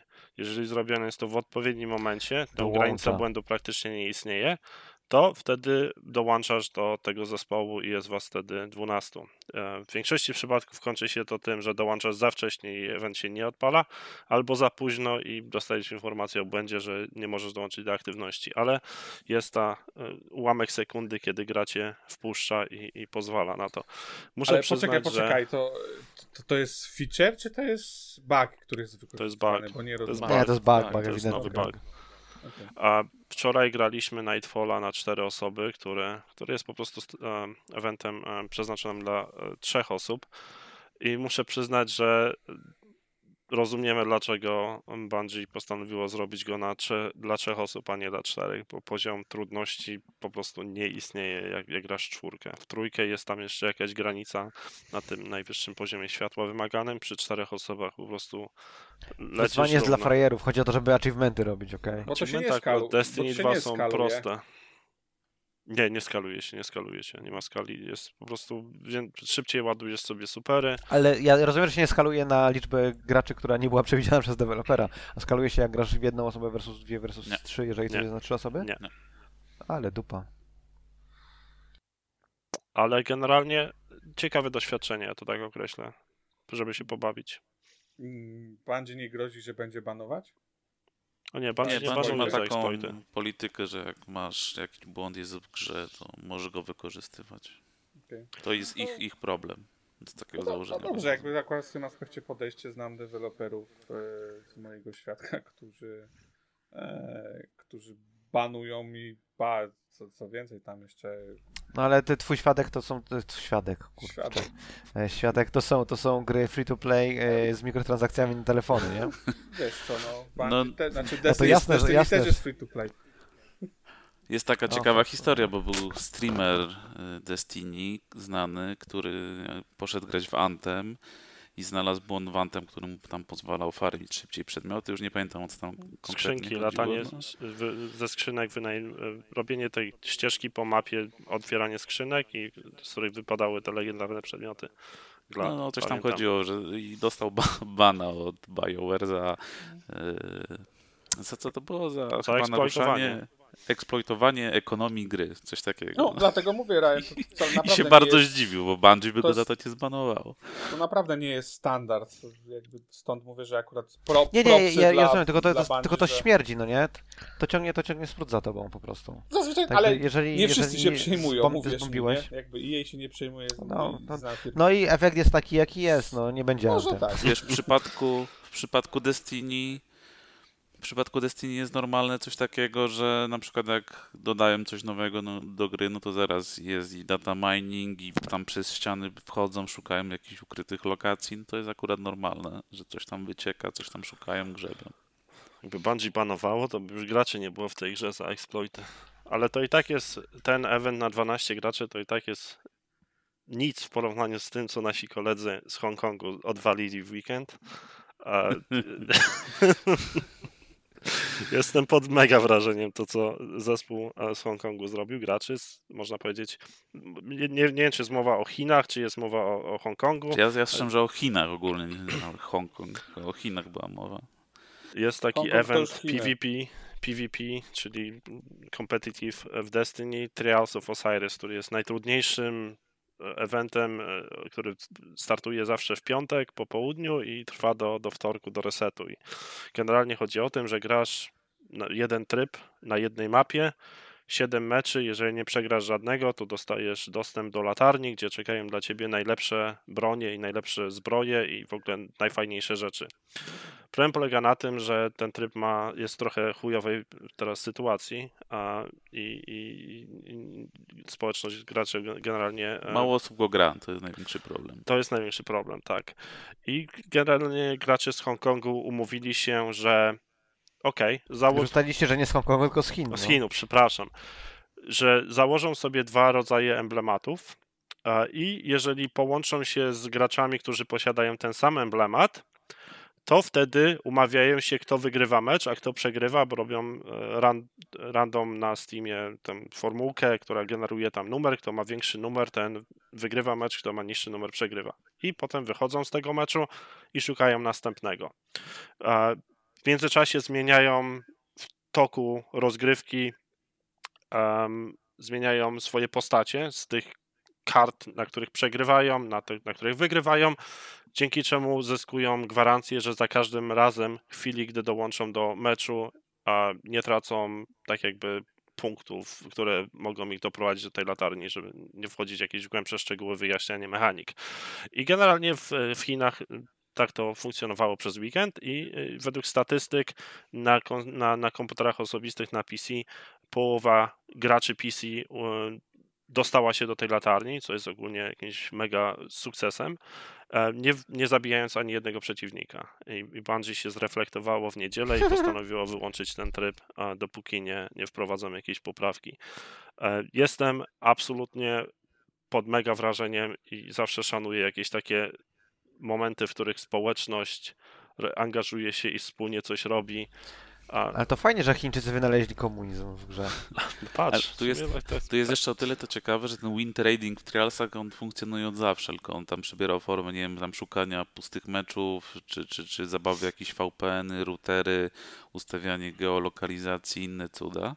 Tylko, że tutaj to na taką skalę nabrało. Bungie jakoś nigdy na to nie reagowało. Mogłeś tam raportować ludzi, których znalazłeś, tam zero odzewu było. No ale nagle pojawiły się statystyki, tam jest taka, taka stronka Trials Report i oni na Twitterze właśnie rzucili, że są zaskoczeni, że jest tyle tak zwanych flowlessów i że 50% z nich to jest bez killa i później wrzucili statystyki z innych platform. I tak, tak, tak to samo było. Było oczywiście skala mniejsza, bo tam chyba na PC było ze 20 tysięcy, a na konsolach z 4 czy tam 7 tysięcy tych, tych wejść do latarni, ale to tak ta statystyka wyglądała tak samo. Połowa z nich to jest dojście do, do, do, do, do, latarni bez zabijania kogokolwiek. No i Bungie Mhm, się wkurzyło, bo się zaczęło głośno o tym robić na YouTubie i wyłączyło trialsy na, na resztę A weekendu po- i zobaczymy, czy ten weekend wrócą. To jest akurat A słabe. takie exploity, jak one wpływają na ekonomię e, Destiny? One są groźne? Dla... Jaką ekonomię? Żeby mieć ekonomię, trzeba móc się czegoś pozbyć albo wymienić. Nie, nie wpływają, nie wpływają, nie mają najmniejszego wpływu moim zdaniem. Co najwyżej tym- na prestiż gorzej. tych nagród, no bo niby one są tam najlepsze, przy- przynajmniej w Bitch, please, teorii. no nie masz prestiżu, grasz w Destiny, no come on. Masz. Znaczy to jest kwestia tego, wiesz, panowania, że masz ten emblemat, że masz takie statystyki, masz lepszy pancerz, ale, ale generalnie nie ma to jakiegoś większego wpływu, nie niszczy to ekonomii gry, której, no tak jak Bliss mówi, nie ma za bardzo i jedyne co psuje tak jakby satysfakcję dla ludzi, którzy robią to w sposób tam jakiś a, No ale to jest, to jest czyste FOMO, no nie? O kurwa, ja nie uczestniczę w tym tej Nie, nie, nie, nie, nie do końca, nie społecznym do końca. evencie. Jest, No nie, no to, to nie jest, to nie musisz mieć miliona znajomych, y, który, i nie musisz się, jeżeli sposobem dojścia do kontentu w grę, w którą grasz i lubisz, jest to coś, co jest tak super trudne, że jest bardzo mało możliwe, że ci się to uda, ale wszyscy, którzy uczestniczą w jakimś y, piramidzkim, w chińskim internecie to mają, no to to nie jest fajne. Nie, zgadzam się, nie, Nie, no a, a dlaczego? Akurat, akurat uważam, uważam, że jest zupełnie przeciwnie. Jeżeli gracze są w stanie zbudować taką strukturę społeczną, nazwijmy tam, czy tam strukturę społeczności, która pozwala im na e, rozwiązanie pewnych, nie wiem, mm, utrudnień, które gra narzuca graczom, zajebiście. Na, to, to jest jakby kwintesencja społeczności, nie? Ja się zgadzam. Mnie się dlatego bardzo to podoba, że, że gracze się tak potrafili skrzyknąć i, i, i- pokazać palec Bungie, pokazać w takiej sytuacji jest ten tryb i e, bo najśmieszniejsze w tym, w tej całej sytuacji jest to, nie wiem czy Marcin się ze mną zgodzisz, e, Trialsy, czyli ten event, one poszły na, w zawieszenie parę lat temu, chyba po pierwszym roku premiery Destiny 2 i Bungie e, powiedziało wyraźnie, wtedy wyszło, komu- wy- wysłało komunikację, że jeżeli wrócą Trialsy, to nie chcą, żeby one były tak jakby Były half baked. nie, nie, tak. niedopieczone, tak jakby nieprzygotowane odpowiednio. I, I tak naprawdę wypuścili je w zeszłym roku w styczniu i to była kpina, to, to co przygotowali. I one e, tak naprawdę w miarę jakoś grywalne są na początku e, chwili, gdy, gdy startuje nowy content, bo, bo wtedy oczywiście najwięcej graczy gra w tą grę, a później to jest, to jest y, model, w którym grają tryhardy, grają albo grają ludzie, którzy przejmują y, konta innych ludzi i, i, em, i, i zdobywają im właśnie dostęp do latarni. Ja tam, moje, moje doświadczenia z tym są zazwyczaj pierwsze trzy mecze w To dupę. mi się akurat nie podoba na przykład, no nie? Tam płacenie ludziom za to, żeby ci e, coś sfarmili albo że na swoim koncie coś zrobili, to jest uważam bardzo, e, bardzo słabe. No jest to ale ja jest, z tego y, korzystam na to przykład. jest zwykły klasizm Znaczy ja nie prostu, korzystam nie? z recovery, ja korzystam z carry. A czemu słabe? W sensie, e, z jakiego powodu? Bo to jest klasizm, bo to tak naprawdę pokazuje ci e, tych, którzy mają kasę i tych, którzy nie mają Ale, kasy, no nie? jakbyś... Nie oddajesz komuś, ktoś... Nie, nie, do, dokończ, dokończ. To, to... Nie, bo to, bo to, nie jest, to nie jest zdolność, nie wiem, e, zorganizowania e, jakiejś tam grupy ludzi, którzy zrobią coś w jakiś sposób, no nie? Tak e, tylko to jest zwyczajne stać mi na to, żeby zapłacić Chińczykowi, dać mu dostęp do mojego konta i on mi coś wyfarmi. A jeżeli to było to jest udostępnione to. przez dewelopera, że po prostu kupujesz e, przyspieszenie na przykład progresu czy coś, to... Też nie jestem fanem, jeśli mam być szczery. E, bo- tak jakby, jeżeli... Wtedy masz pay to Gry, win które już, ma, powiem tak, gry, które mają, gry, które, gry, które mają boostery Zależy jak różnego rodzaju, no nie? to win, I Warframe, jasne. Oczywiście tak, ale gry, które mają boostery, nawet, nawet Warframe ma boostery, co nie jest moim zdaniem jakoś super, ale, yy, ale jest tam powiedzmy tam mitygacja tego, zaraz o tym powiem. Anyway, gry, które mają boostery, przeważnie są to gry, w których grind jest tak absolutnie nie, nieprzyjemny, że jedynym sposobem na to, żeby szybko zdobyć w grze, tam szybko, nawet nie szybko, ale żeby zdobyć w grze w sposób e, nie męczący cokolwiek, musisz zapłacić deweloperowi. Czyli deweloper pozwala ci zapłacić za to, że y, obejdziesz gównianą mechanikę, którą on wymyślił. I teraz to, co mówiłem o Warframe'ie. Warframe ma boostery, masz tam mony boostery, jakieś tam drop boostery i tak dalej. Różnica jest taka, że jeżeli cię nie stać na to, żeby y, z tych boosterów skorzystać, to masz y, weekendy boostujące, no nie? Więc y, jasne, jest ta opcja dla kogoś, kto chciałby rzucić tam, wiesz, monetę Wiedźminowi, ale jest też opcja dla tych ludzi, którym to nie stać. I uważam, że taki tam, wiesz, equalizer w postaci wszyscy mogą z tego skorzystać w weekend, albo wszyscy mogą z tego skorzystać po jakimś tam, nie wiem, streamie oficjalnym, jest jak najbardziej łagodzącą e, sytuacją e, w przypadku takiej mechaniki. Znaczy problem z trialsami tu jest, moim zdaniem polega to na tym, że to jest ten endgame'owy motyw dla graczy PvP, czyli graczy, którzy lubią competitive, tylko że poziom trudności jego jest nieporównywalnie wyższy, jeżeli porównasz do endgame'owego kontentu w postaci jakiegoś tam rajdów. A Nie, nie, no, jak powiedziałeś, że musisz 7 razy z rzędu wygrać, to jest, to jest y, tak jakby szanse, że coś się stanie przypadkiem są oj nie. Marcin ma chyba z naprawdę- 50 flowersów. Ile Marcin masz? Pochwal się. Marcin spędził 700 godzin z tą Ja grą, spędziłem 1700, tyle co? Marcin, a ja jestem słaby w PvP. Nie, to jesteś po prostu słaby, to jest zupełnie co innego. Nie, ale temat jest. Moim zdaniem, moim zdaniem sytuacja jest taka, że dostaje, jeżeli dostajesz. Jeżeli masz ym, content przeznaczony dla endgame'u, to niech bonusy płynące z tego, że wygrywasz rajda, czy kończysz go tak jak było na przykład w Destiny 1, czy dochodzisz do latarni i, i dostajesz najlepsze tam bronie, niech benefity z tych broni trwają, czy są dostępne tylko w tych eventach. Nie wiem, dostajesz perki na, na bronie, które po, po, Jasne. umożliwiają ci Jasne, jasne. Izolacja endgame'u od, od tam game'u zanim przed endgame'em, no nie? I zrobienie nagród w endgame'ie e, wartościowych w endgame'ie, a nie we wcześniejszych stanach, jest absolutnie do, dobrą, dobrą mechaniką, czy dobrym podziałem mechanik. Dziękuję. Z, z tym się zgadzam, jasne. No i- ale Bungie niestety Problem- tego nie, nie robi. Marcin, słucham Ciebie, twoja Problemem trialsów jest to, że one nie nagradzają wysiłku kogoś, kto nie jest jakimś bogiem w PvP. Że, no, miałeś sytuację, kiedy dali ten, ten, ten Pulse Rifle. No wszystko albo nic, no Pierwszy nie? weekend, no to ludzie woleli zamiast grać, w ogóle normalnie mecz grać i przegrywać, Mhm. woleli skakać na mapę, żeby zrobić sobie zlecenie i dostać za to zlecenie tą jedną gwarantowaną broń. Nawet nie próbowali w to grać, tylko włączali mecz, skakali za mapę, byle tlo, tylko odhaczyć mecz i zaliczyć to zlecenie. No to no, no jaki to ma sens? Musisz jakoś zachęcać takich ludzi do tego, że chociaż próbowali, coś za kończenie meczów dostawali, jakieś te nagrody przewidzieć. Tam jest sporo pomysłów, tam krążą mm, w sieci, tam widziałem jeden taki fajny filmik od jakiegoś youtubera, który właśnie szczegółowo omawia krok po kroku, jak naprawić trialsy, no ale czy to Bungie zrobi, czy nie. No, niby coś obiecali, że się za to wezmą. Znaczy connection-based matchmaking też jest problem, bo jeżeli zrobią go na formie rankingowej i jeżeli... Znaczy nie, Słuchaj, nie, nie, ja- właśnie problemem jest, że jest matchmaking jest na podstawie karty, a nie na podstawie połączenia. Bo jakby był na, by wyłączyć całkowicie to patrzenie na kartę i No tylko tak. patrzyło na połączenie, to masz szansę, że trafisz te 7 O meczów z z kartą? rzędu z bo ludźmi, nie wiem. Którzy, którzy są słabi, no, czy tam na Czekaj. twoim poziomie powiedzmy. wyjaśnijmy kartę. Tak więc, żeby dostać się do trialsów, musisz wykupić trialty, taki passage. E, I na tej karcie odnotowane są twoje zwycięstwa i porażki. Musisz tą kartę zapełnić tymi punkcikami, 7 zwycięstw bez porażki, żeby dostać dostęp do tej latarni.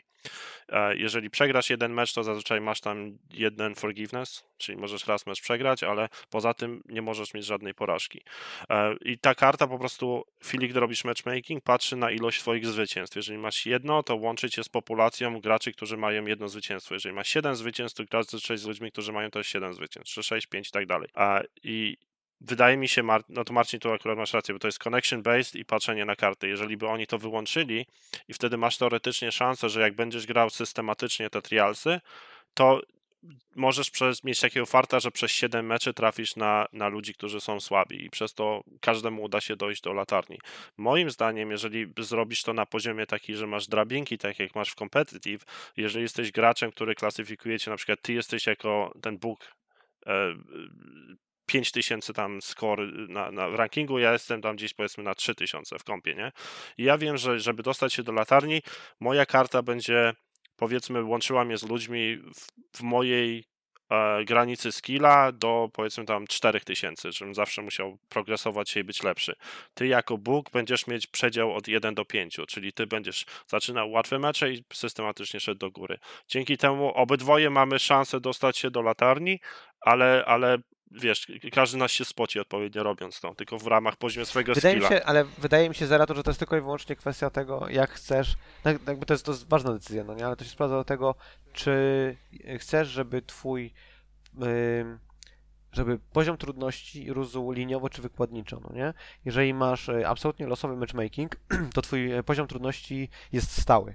Jeżeli masz y, matchmaking oparty na tym, na doświadczeniu, na, tak jakby na twoim poziomie, no nie? Czyli, że maczuje ciebie z ludźmi, czy tam z grupami, które mają e, tyle samo wygranych, czy tam przegranych, wygranych w tym wypadku, e, to po prostu poziom trudności rośnie wykładniczo.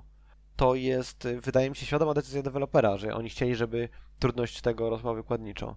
E, Wydaje mi się, że 7 to jest dużo, no nie? Bo nawet jeżeli ta, jeżeli ta eksponenta to jest tam 1,2 powiedzmy, a nie e, 2, no nie? To i tak e, jak dojedziesz do tam 6 wygranych meczy, to poziom trudności jest absurdalnie wysoki. To jest, to jest mi się wydaje tak, tak sobie. Czy problem też polega, że czasem pierwsze dwa mecze to masz takie, że ci się chce po prostu wyłączyć konsolę, bo, bo cię łączy z ludźmi. Tak, tak ten tryb jest niepopularny, nikt w niego nie chce grać. Ludzie, tak jak Marcin mówi, wolą wejść, skoczyć przez sie- 10 meczy, żeby zapełnić jedno, jedno bounty i odebrać tą nagrodę pocieszenia i, i tyle. Okej, to może nagroda pocieszenia powinna być po prostu za y, podejście do tego raz. I To rozwiązuje częściowo ten problem, nie? No i też mówimy o 7 czy tam 10. nowym sezonie, gdzie doszły nowe nagrody do tego trybu, a już, już nie wiem, który mieliśmy teraz, dru- trzeci, drugi Trzeci, weekend? trzeci, ty, trzeci tydzień. Trzeci. Trzeci tydzień. No, no i ju- już matchmaking jest tragiczny, już są problemy. Już pomijam Chyba, kwestię że ja, chyba, że pomijając kwestię tego, że jak ja gram na Series Xie i dwóch mo- moich członków mojej drużyny też gra na Series Xie, no to my się tylko połączymy z ludźmi, którzy grają na Next Genach, czyli już, już mamy matchmaking bardzo ograniczony. Więc tutaj się Ale oni wszystko mówili, nakłada na siebie. chyba w tym roku mają wprowadzić, tak? E, cross. E, Crossplay z 15 sezonie, teraz mamy 13, czyli tak Na jakoś jesień. lato pewnie, O, jesień, panie. lato.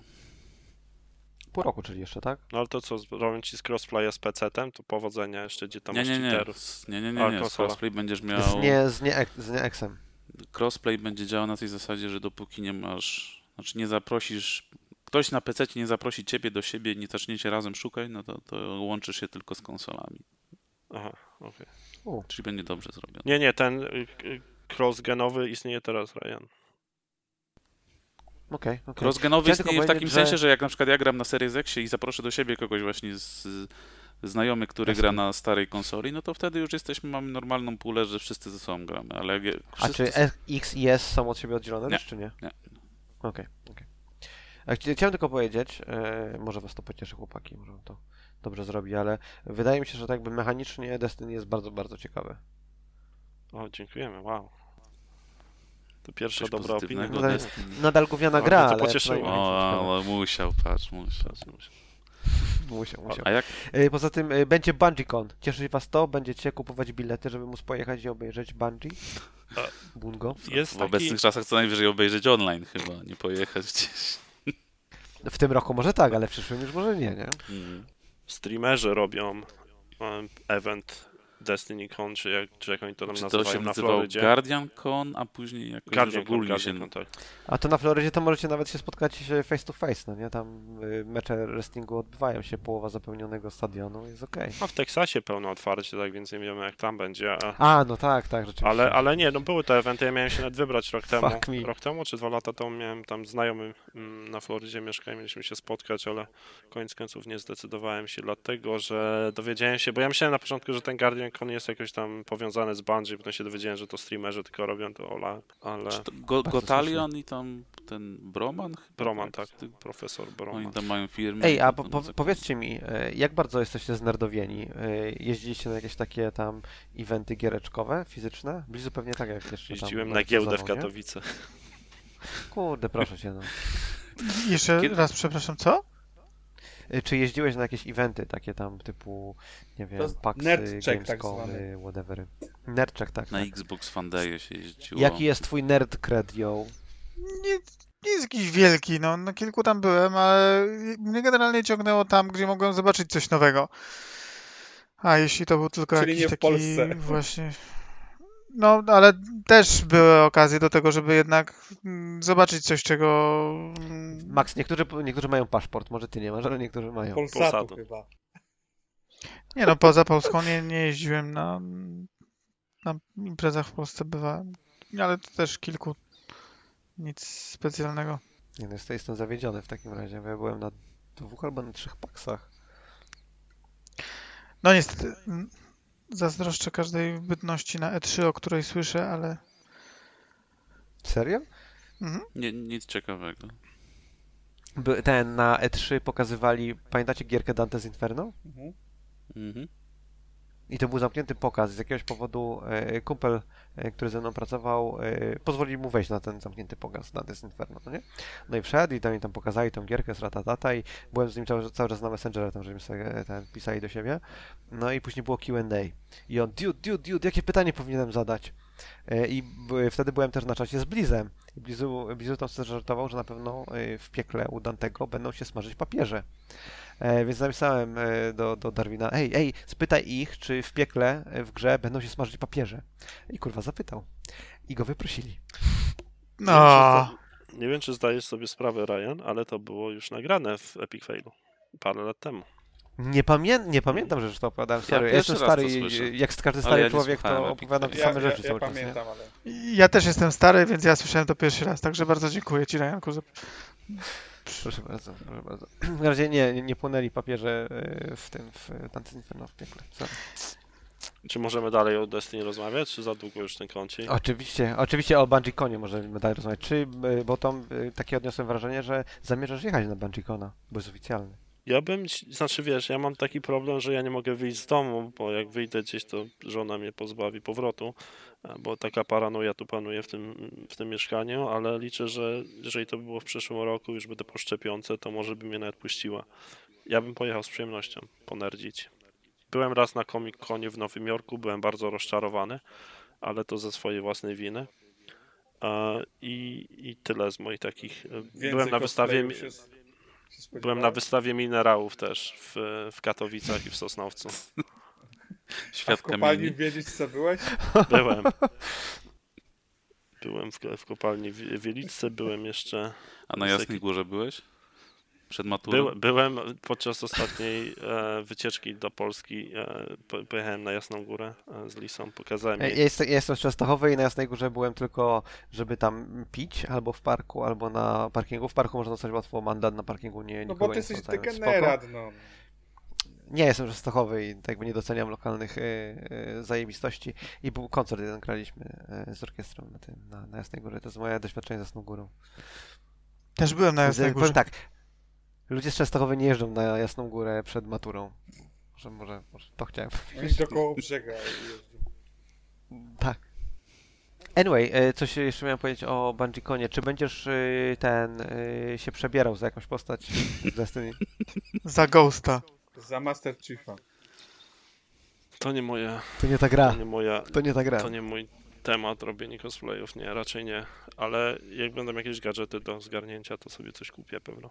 Jakąś koszulkę. Jestem wielkim fanem Bungie Store'a, połowa mojej szafy, jeżeli chodzi o t-shirty, to koszulki z Destiny. A wolno ci nosić t-shirty? Czemu nie? No bo ty jesteś poważnym panem tam od finansów, ziom. Mam od, odpalić kamerę? Nie, nie, nie, oszczędź nam tego.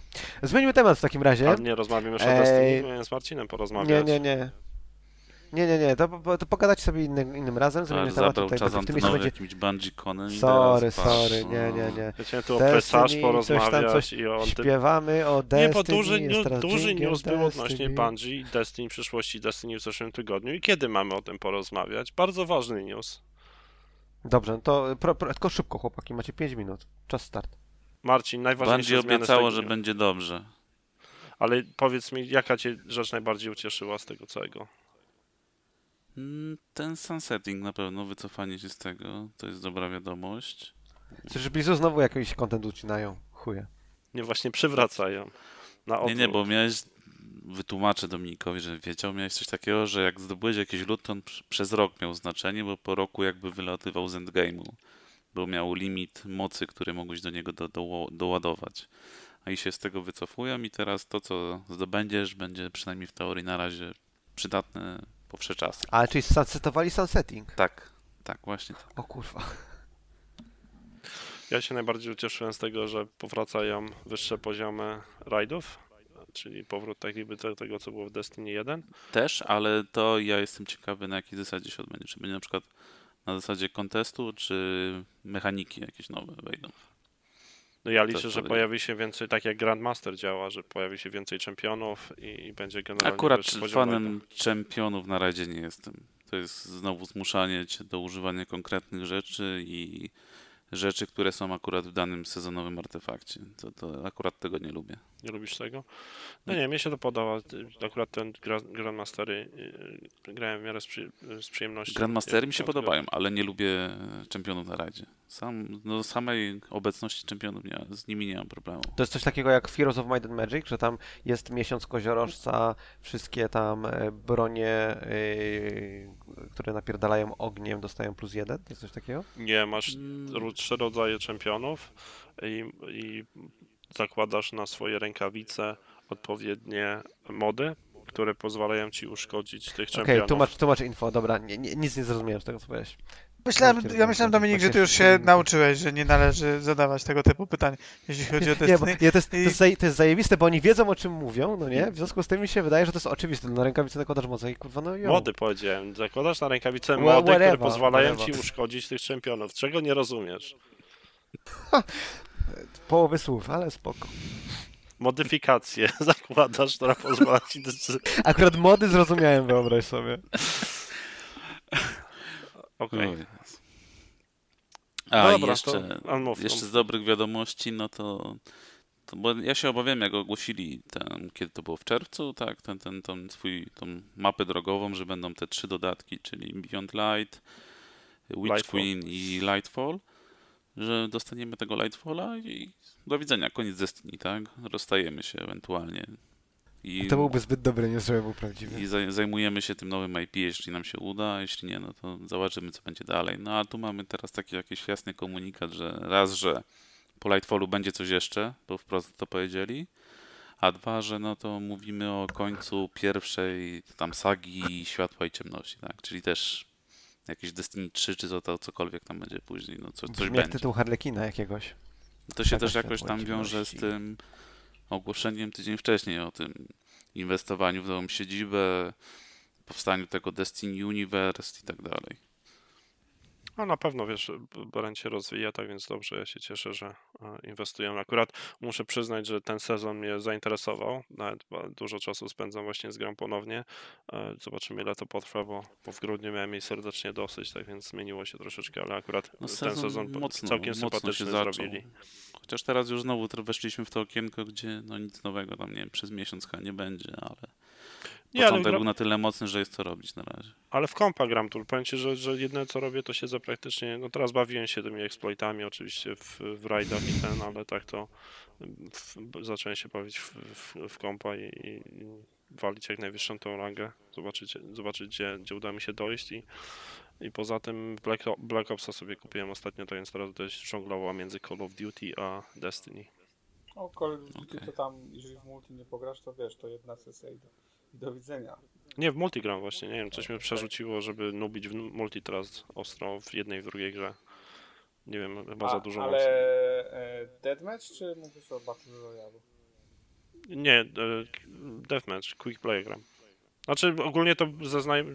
kupiłem z myślą o tym, że będziemy grali w zombies e, z ekipą i to był temat przewodni kupna, ale, ale oni lubią... I okazało się, że w tej części nie ma zombies. Słucham? I okazało się, że w tej części nie ma akurat Nie, zombies. są zombie, jesteśmy umówieni, gramy, gramy. Raz e, zagraliśmy, ale ktoś mi urwał internet. Akurat taka sympatyczna anegdotka, graliśmy w zombies przedwczoraj i tam e, zabijając i wykonując różne obiektywy na mapie ładujesz sobie tak jakby nagrodę, którą możesz odebrać ze skrzyni i im więcej tych obiektywów wykonasz, tym lepsza twoja nagroda. Tam oczywiście Rare, Legendary czy Epic i te inne. I w momencie, kiedy zdobyłem już ten poziom Legendary, idę szczęśliwy, uchachany do skrzynki, żeby ją otworzyć, ktoś mi urwał od Urwali. internetu. Znowu mu urwali od internetu.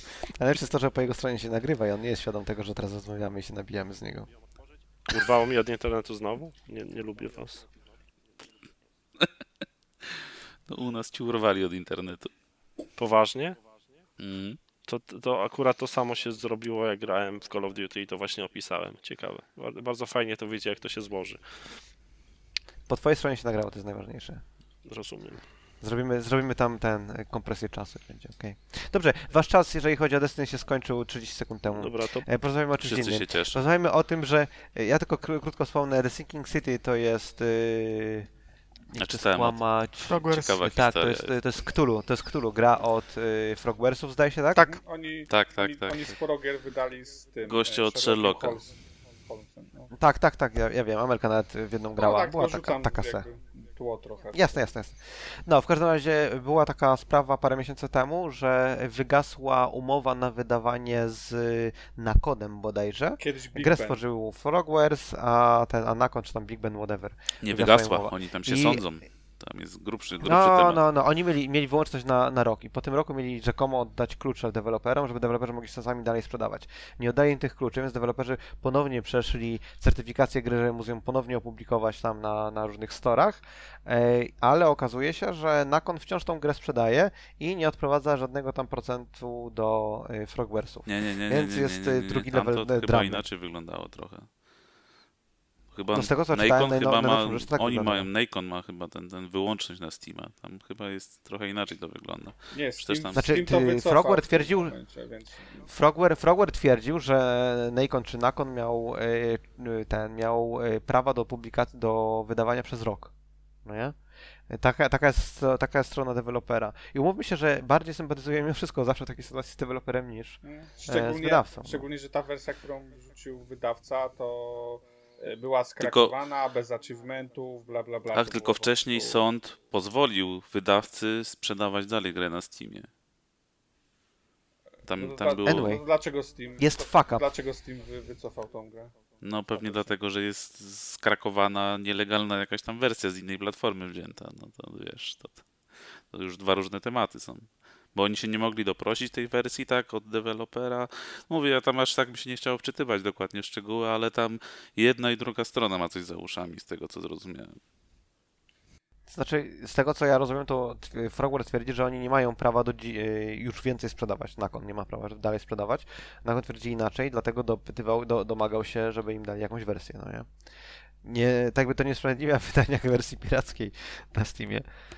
Czy Frogwares To to nie- ostatnio to jakoś ma problemy z- ze swoimi wydawcami? Bo najpierw mieli problemy z tymi Sherlockami i Focus Home'em, nie? Bo tam, tam też jakaś afera Tak, była. ale z Focus Home'em nie tylko oni mieli problemy. Bo tam Więc Focus Home się, się, chyba ci- mścić zaczął, zaczął za to, że y, Nacon, nie, ktoś, ktoś zaczął wykupywać tych ich deweloperów, z którymi Focus współpracuje, no to Focus się na nich zemścił, usuwając im te, te, te, te strony gier ze sklepów wszystkich i Mhm, wszyscy mhm. musieli od nowa jakby certyfikować się i samemu zgłaszać, żeby, żeby sprzedawać gry ponownie w tych sklepach.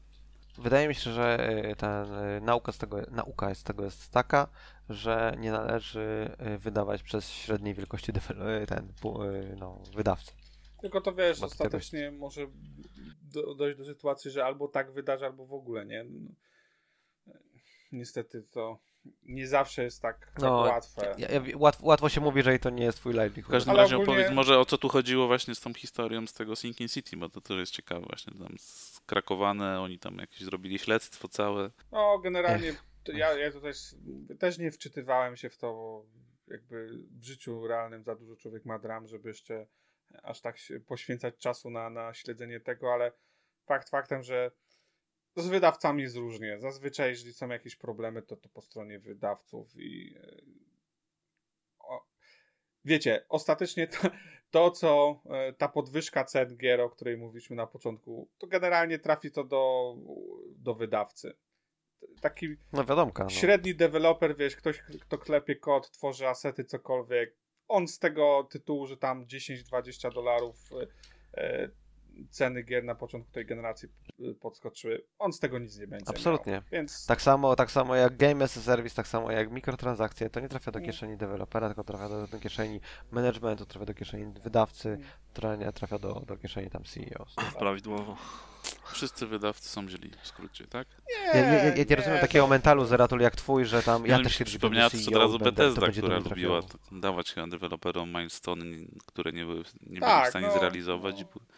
Znaczy, to, wiesz, nie chciałbym tu y, oczerniać wszystkich, bo zakładam, że naprawdę jest wiele, wielu wydawców, którzy pracują, e, wiesz, tutaj pewnie z, z wieloma indykami, grami mm, double A i, i wiesz, te ta współpraca wychodzi, układa się fajnie, nie? nie wiem tam jak na przykład Digital Devolver e, jest, ale O, nie zaczynajmy od Digital Devolver. tak oni O, mają proszę, nie, tak, nie wiem, no jakby rzucam, O, panie. Rzucam tak ogólnie, tylko że pewnie to mówię, nie jest standard, ale prawdą jest, że trzeba bardzo uważać na to. Wiesz, kwestia jest umowy, tak? Jakby to jakby sztandarowy przykład. To, co jest napisane małymi literkami, jest, jest tym najważniejsze, a w wielu wypadkach jakby wydawca będzie patrzył pod siebie i będzie układał tak, żeby to jemu pasowało, żeby on zarobił ostatecznie najwięcej. Jemu nie zależy na tym, czy, e, czy deweloper e, upadnie po wydaniu tej gry, czy nie. Czy on wyjdzie Jeśli na możesz, zero. to to- sam wydawaj najlepiej, tak? Słucham? Czy nie? Co do Digital Devolver, to sorry, pozwolę sobie e, wtrącić, ale e, szefem, czy tam jednym z założycieli e, jest ziomek, który był założycielem, e, który odpowiadał za marketing takiej gry jak Daikatana. Mhm. Pamiętacie pewnie reklamę John Romero is about to make Tak. you his bitch, no nie? Mm. To był jego pomysł zajebisty, który spowodował z gry, która jest ge- generalnie średniakiem, po- spowodował, że było mega hate e, na nią. I nie wiem, czy pamiętacie, jak Ken Levi- Levine, Levin, whatever, odbierał jakąś tam nagrodę i koleś przebrany za koguta wskoczył na scenę i zaczął mu przeszkadzać. E, To był Gamecock Media Group, Media Group i to też był zajebisty pomysł Mike'a Wilsona. I teraz Mike Wilson jest szefem e, Devolver Gi- Digital i ja rozumiem, że tych e, pseudo e, tam e, nie wiem, Game Awards, No, czy jakieś tam E3. prezentacje z, tak, tak, z, z tą ich tam fejkową CEO są, są zabawne, ale to jest kwestia czasu, jak się dowiemy, że tam, prawda, Mike Wilson znowu zrobił zajebistą imprezę na 100 dziwek i kurwa 4 kilo kokainy, także tam nie, nie, nie podniecajmy się za bardzo Devolverem, mi się No, Okej, wydaje. tak rzuciłem, bo... Ale no widzisz, to tym bardziej. A ty wrogo o coś pytałeś chyba. Sorry. tym. Czy najlepiej sam, samemu wydawać, tak? Jak możesz. Wiesz co, chyba dziś... No, tylko to wymaga jakiegoś tam zmysłu biznesowego, który Tak. nie jest, nie jest zbyt powszechny. W dzisiejszych czasach jest to łatwiej, szczególnie, szczególnie na Steamie i w dobie y, tutaj y, dystrybucji cyfrowej.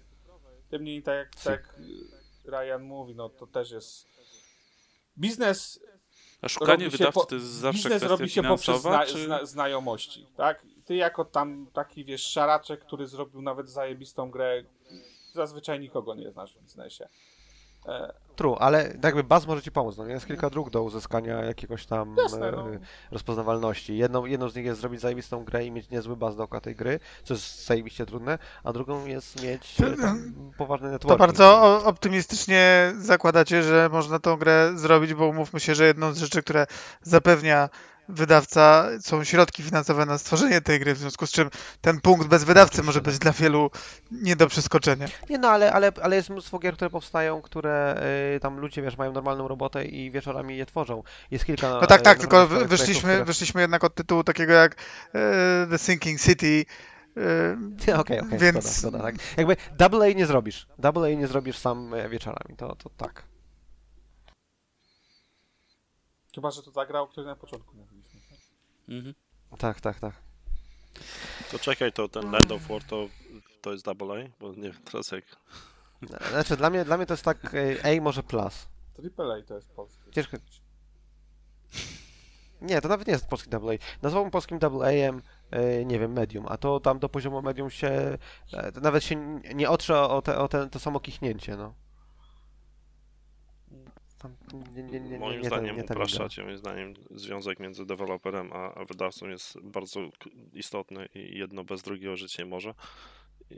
Oczywiście, ale to jest to jakby, bardziej, wiesz, by- bez- to, to jest racja, że w, w dobie, w dobie publik, ten, możliwości tam wydawania cyfrowo, y, ten, ta granica jest y, potwierdzona do przeskoczenia, no nie? Bo możesz wydać na Steamie, możesz wydać, nie wiem, na Gogu, możesz wydać na tam pewnie Epiku, możesz wydać bez problemu na, na Switchu grę, e, bez jakichś super duper relacji z y, wydawcą.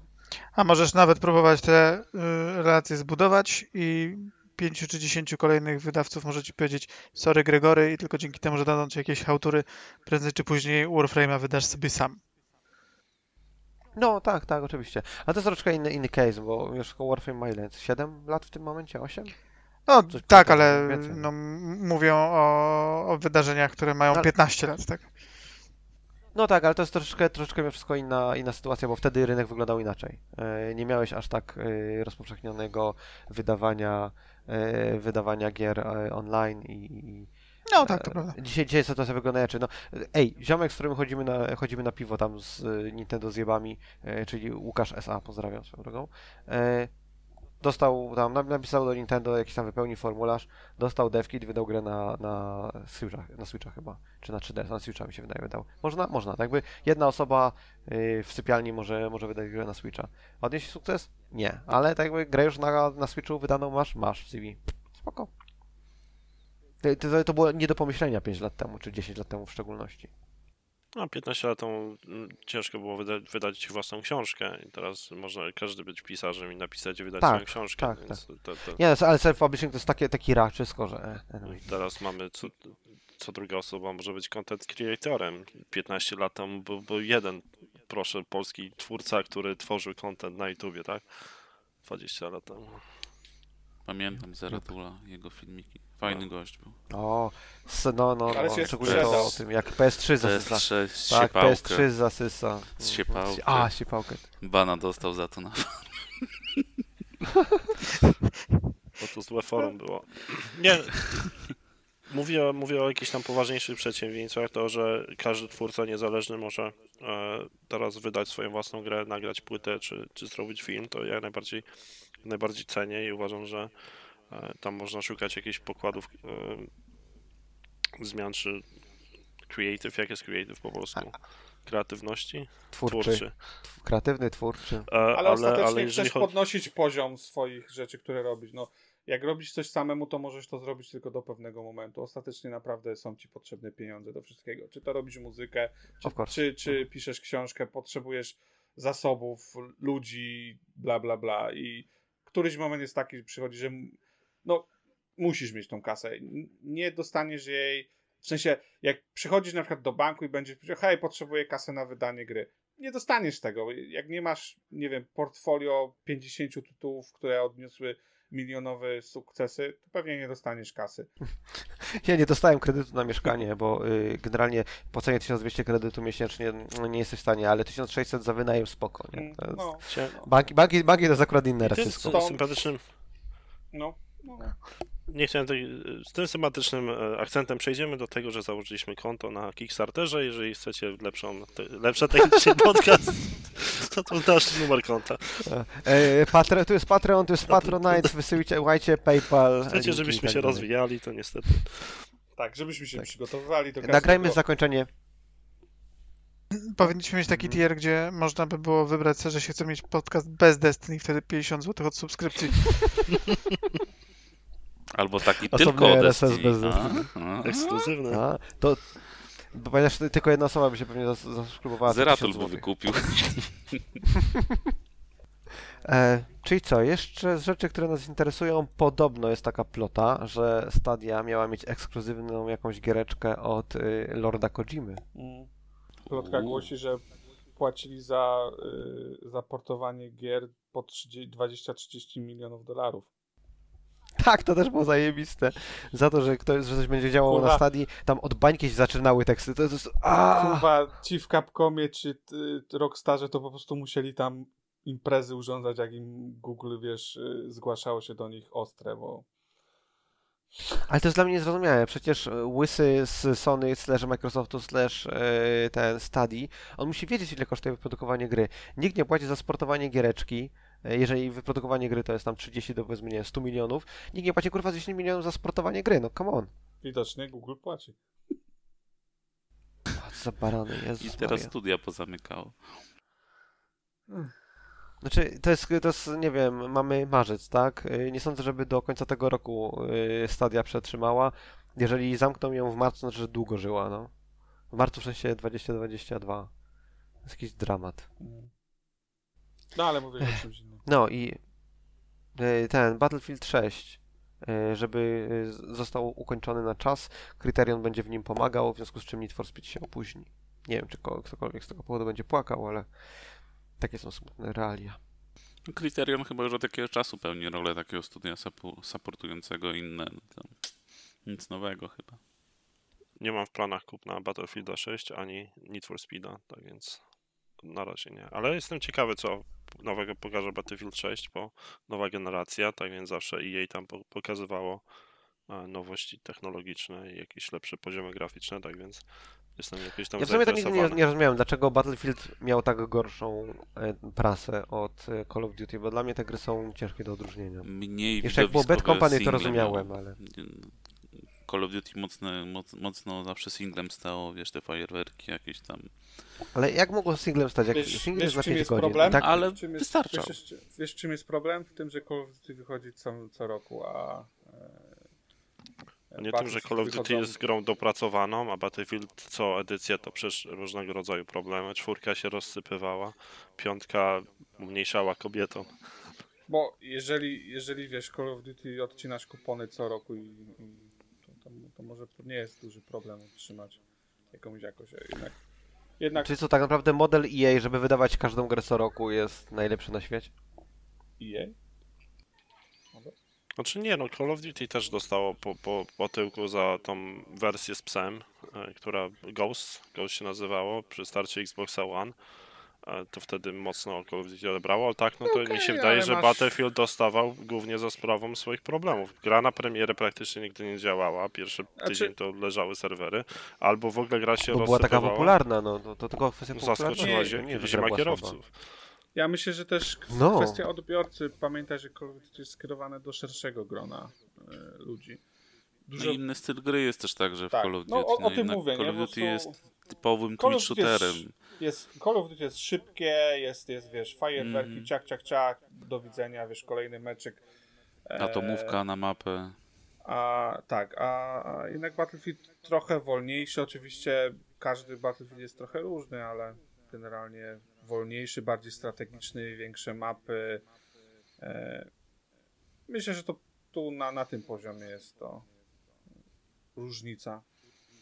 Myślę, że też w fandomie to nie jest tak, że Battlefield ma jakieś dużo niższe oceny, albo wręcz bym powiedział, że Ja zawsze preferowałem Battlefield od Call of Duty. Call of Duty jest traktowane jako taki, wiesz, szybka przekąska, a, a wiesz, Battlefield to jest taka, o, uczta, o, wiesz, to dostajesz coś fajnego. Piękna metafora. Piękna. O, Tak może powiedzieć tylko ktoś, kto woli Battlefield od Call of Duty. Znaczy wolę, ale swoje, swojego czasu sporo w Call of Duty się grało. Nie to, żebym tą serię jakoś tam... Grałem tylko od odrobinkę Battlefielda, nigdy nie robiłem, nie lubiłem shooterów. Tak by gloryfikacja wojny w gierkach wideo uważam, że jest słaba.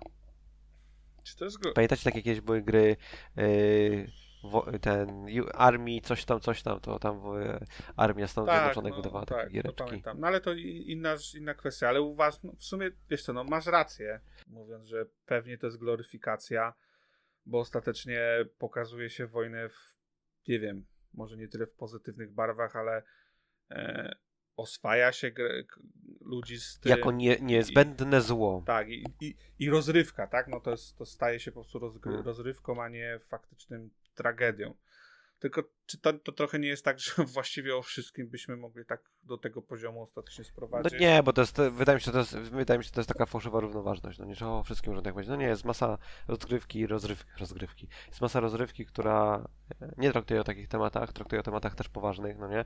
Poza tym nawet o samej wojnie, czy o jakimś tam konflikcie zbrojnym można opowiedzieć w sposób e, płytki, taki jak e, tam, nie wiem, COD, czy Battlefield, czy Medal of Honor. Swoją drogą, kto był wydawcą Medal of Honor? Bo nie pamiętam, był EA. wydawcą. EA też, okej. Bo jakiś chyba moch ma czy- Wyszedł VR jakieś z pół roku temu. A, okej, okej. E, Więc y, tak jakby nie musisz opowiadać o tym w, ten spo- w taki sposób, możesz opowiadać tak jak, y, jak się nazywa Jägera, gierka. Um, Spec Ops The Line, o tym mówisz? Spec of the Line, tak, Spec of the Line. E, Gdzie generalnie chociaż był jakiś, kurwa mać, twist fabularny na koniec, No ale, czego raczej nie należy się spodziewać. no ale powiedz mi, czy to nie jest trochę tak, że ostatecznie jak jesteś małym dzieckiem, to, to czy były te gry wideo, czy ich nie było, to i tak bawiłeś się w wojnę, i tak strzelałeś. Czy to nie jest po prostu trochę w DNA ludzi, że Wydaje mi się, że mimo wszystko I- nie. Tak jakby rzeczy, które robiłem jako dzieciak, to były rzeczy, które gdzieś tam istniał peer pressure, że należy je robić, a ten peer pressure istniał z, te, z tego powodu, że rodzice uważali, że takie rzeczy się robi, no nie? Grałem w piłkę nożną nie dlatego, że mi się piłka nożna podobała, bo uważam, że to jest najbardziej chujowy sport, jaki istnieje na świecie, tylko dlatego, że wszyscy grali w piłkę to nożną. w sumie źle miałeś. Ja lubiłem grać w piłkę nożną, chociaż byłem do dupy, ale... Ale ja nie zabrałem nikomu lubić grać w piłkę nożną, nie Nie, nie, chodzi, tylko- nie? Tylko wiesz, chodzi mi o to, czy, czy...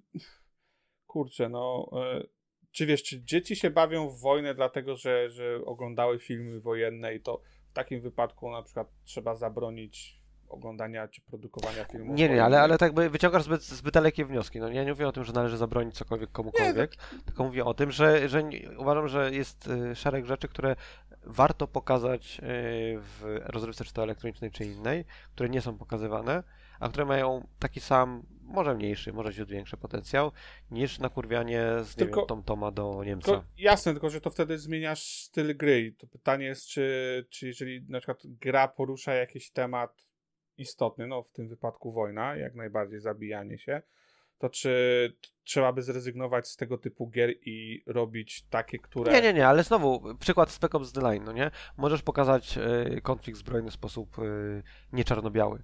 Bo to jest mój, w zasadzie mój chyba główny zarzut wobec gierek wojennych jest taki, wojennych jest taki, że y, pokazują one bardzo silnie zakrojonych dobrych i złych. I to jest słabe niesamowicie, no nie? Bo tam y, twój bohater to jest tak naprawdę y, tam zbrodniarz dla kogoś innego i odwrotnie. No to na pewno. Wiesz, zawsze bijesz Niemców, Rosjan albo Chińczyków czy kogoś. To, to zazwyczaj jest Albo na Bliskim Wschodzie nakurwiasz kolesi, bo mają brony. nie? No ostatnio nawet było na Twitterze taka mini drama e, z tym związana, jak tam jeden z takich indie deweloperów właśnie się wypowiadał na temat gloryfikacji mm, e, zabijania muzułmanów e, w grach. To akurat było przy tej e, Six Day in Fallujah, czy jak ten tytuł się nazywa. Tak, tak, A, tak. To wraca Nie, to jest- niby, tak? to jest- ten tytuł. Słuch- Ale ten Słucham? Six Day, Six Day No to Six Day in, Six Days in Fallujah, to, to, to tam anulowali, to teraz wraca, tak? Tam jakaś afera Tak, się z tym zrobiła. Tak, tak, wraca, wraca, tak. Ale to jest y, tak by. Chcą sobie ktoś zrobić grę, nie chce zrobić. Tak samo jak było z Hatred, y, tam warszawskie studia, nie pamiętam jak Mhm. się nazywają, no nie?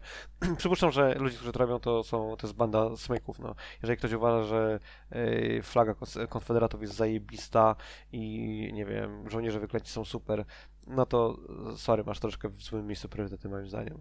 Ale no to okej, możesz chcesz sobie zrobić gierkę, zrób sobie, zrobić, zrób sobie gierkę. Chcesz mieć hatred, miej hatred. Chcesz mieć grę o wikingach, którzy gwałcą i plądrują, spoko, miej gierkę o wikingach. Jakby, nikomu nie zabraniam robienia niczego, no nie?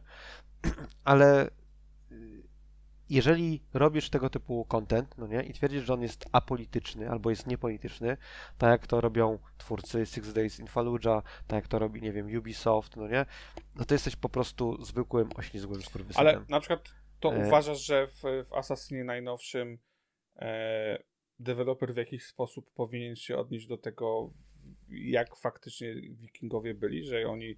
Nie, nie, nie, nie, bo, bo, to, jest, bo to, jest, to jest czyste fantazy. Tak jakby ciężko jest mi sobie wyobrazić, znaczy ja wiem, że istnieją ludzie, którym się wydaje, o kurwa, tak właśnie wyglądają wikingowie. Nie, no nie, wikingowie tak nie wyglądali, to byli jebani rolnicy. E, I to, że sobie wyobrażamy, że nakurwiali z jakim, wiesz, ubrani w skóry z pomalowanymi twarzami i z dwoma toporami, to jest absolutna fantastyka. Tak nie wyglądał żaden e, wiking, żaden północny wojownik e, w żadnym okresie historycznym, po prostu nie. I jakby do tego nie mam problemu, no nie, Ludzie, ludziom się podoba taka fantazja, spoko. Ale z drugiej strony masz rzeczy takie właśnie jak Six Days in Fallujah, który jest oparty na realnych wydarzeniach, na faktycznym, mm, jakby to powiedzieć, na faktycznej zbrodni, o faktycznej zbrodni wojennej można powiedzieć, że to Mm. mówi, no nie?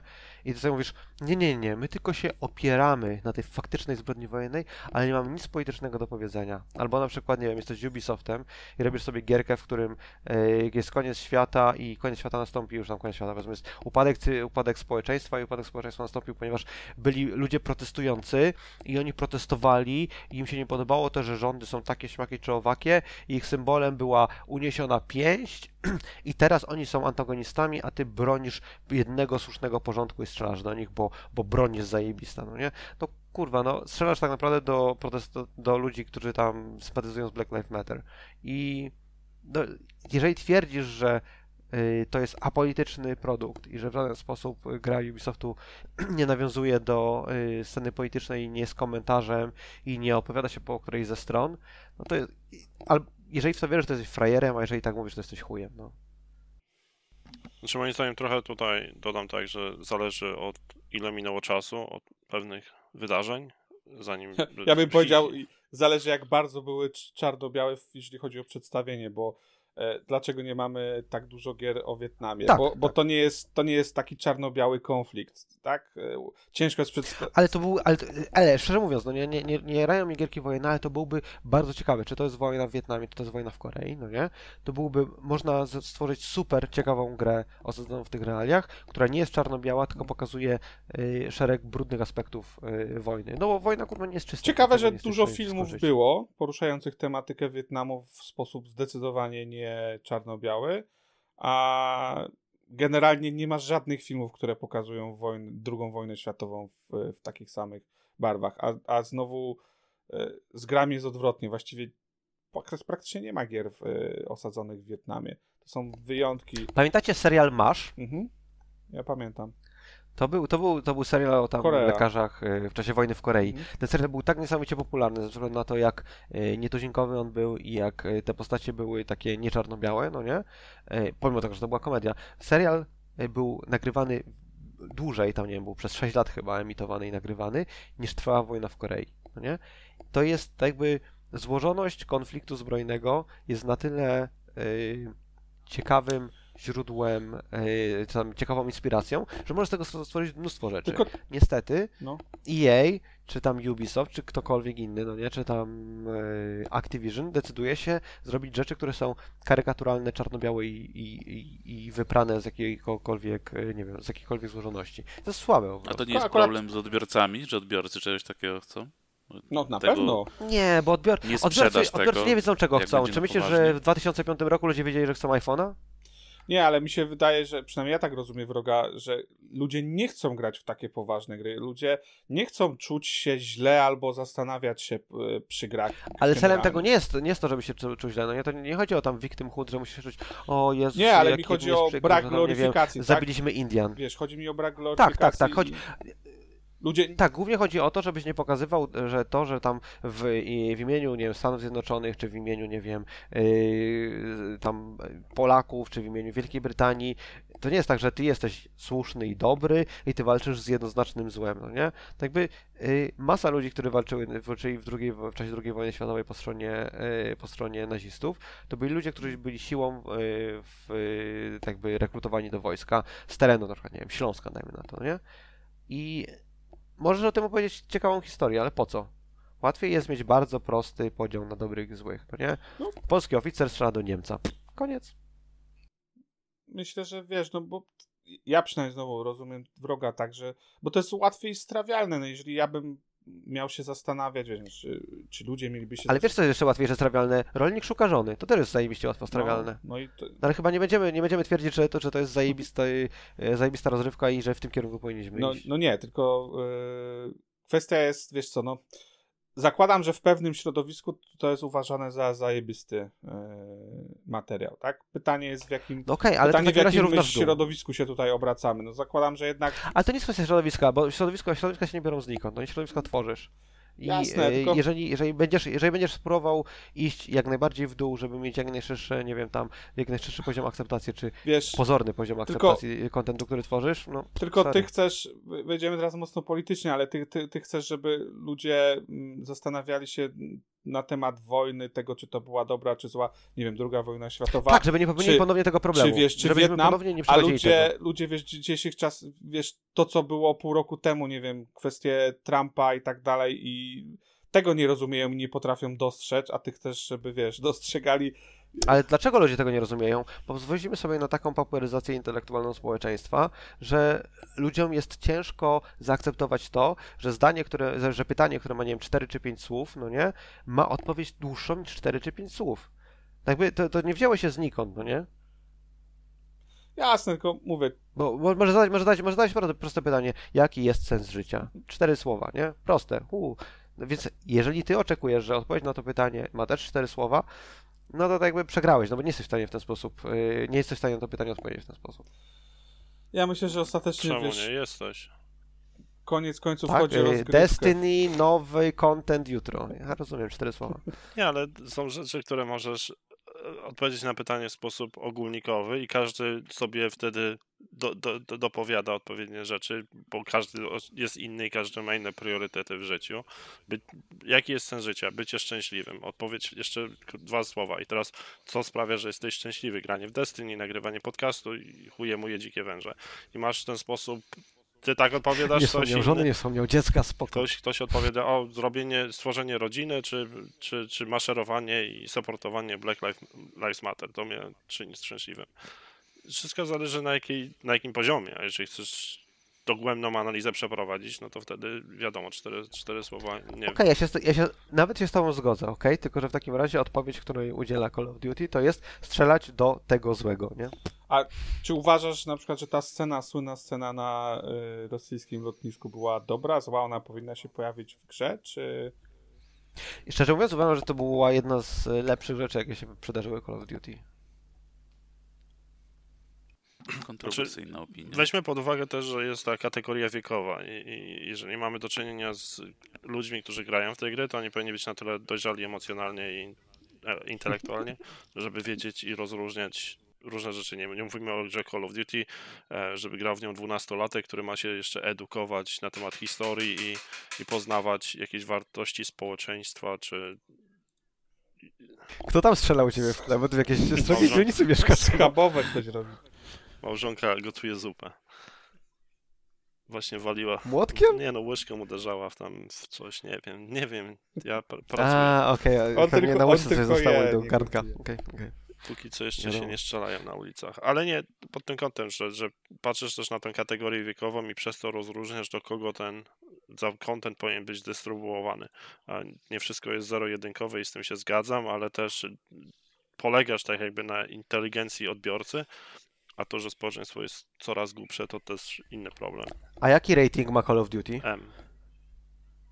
Okej, czyli 17 plus chyba, tak? M jest w Stanach. A, chyba tak, albo 18, to jeden. Eee, Okej, czyli zakładamy, że odbiorca 17 plus nie jest w stanie zrozumieć te, czegoś takiego jak y, złożoność y, wojny. Więc y, serwujemy mu zajebiście czarno-białą wersję tego. Jak Ale wiesz, że Ale- rating na pudełku, a rating faktycznego odbiorcy no to są dwa różne tematy.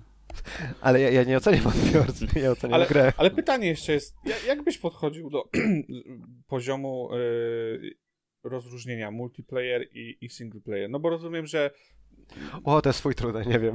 Bo rozumiem, że można to, tego wy, wymagać e, od, e, od single playera. W jakim stopniu tam Call of Duty czasami stara się, mówię, przekroczyć jakąś barierę, wyjść poza taki utarty schemat. Nie zawsze im to wychodzi, czasami jest to gloryfikacja e, działań wojennych e, Stanów Zjednoczonych.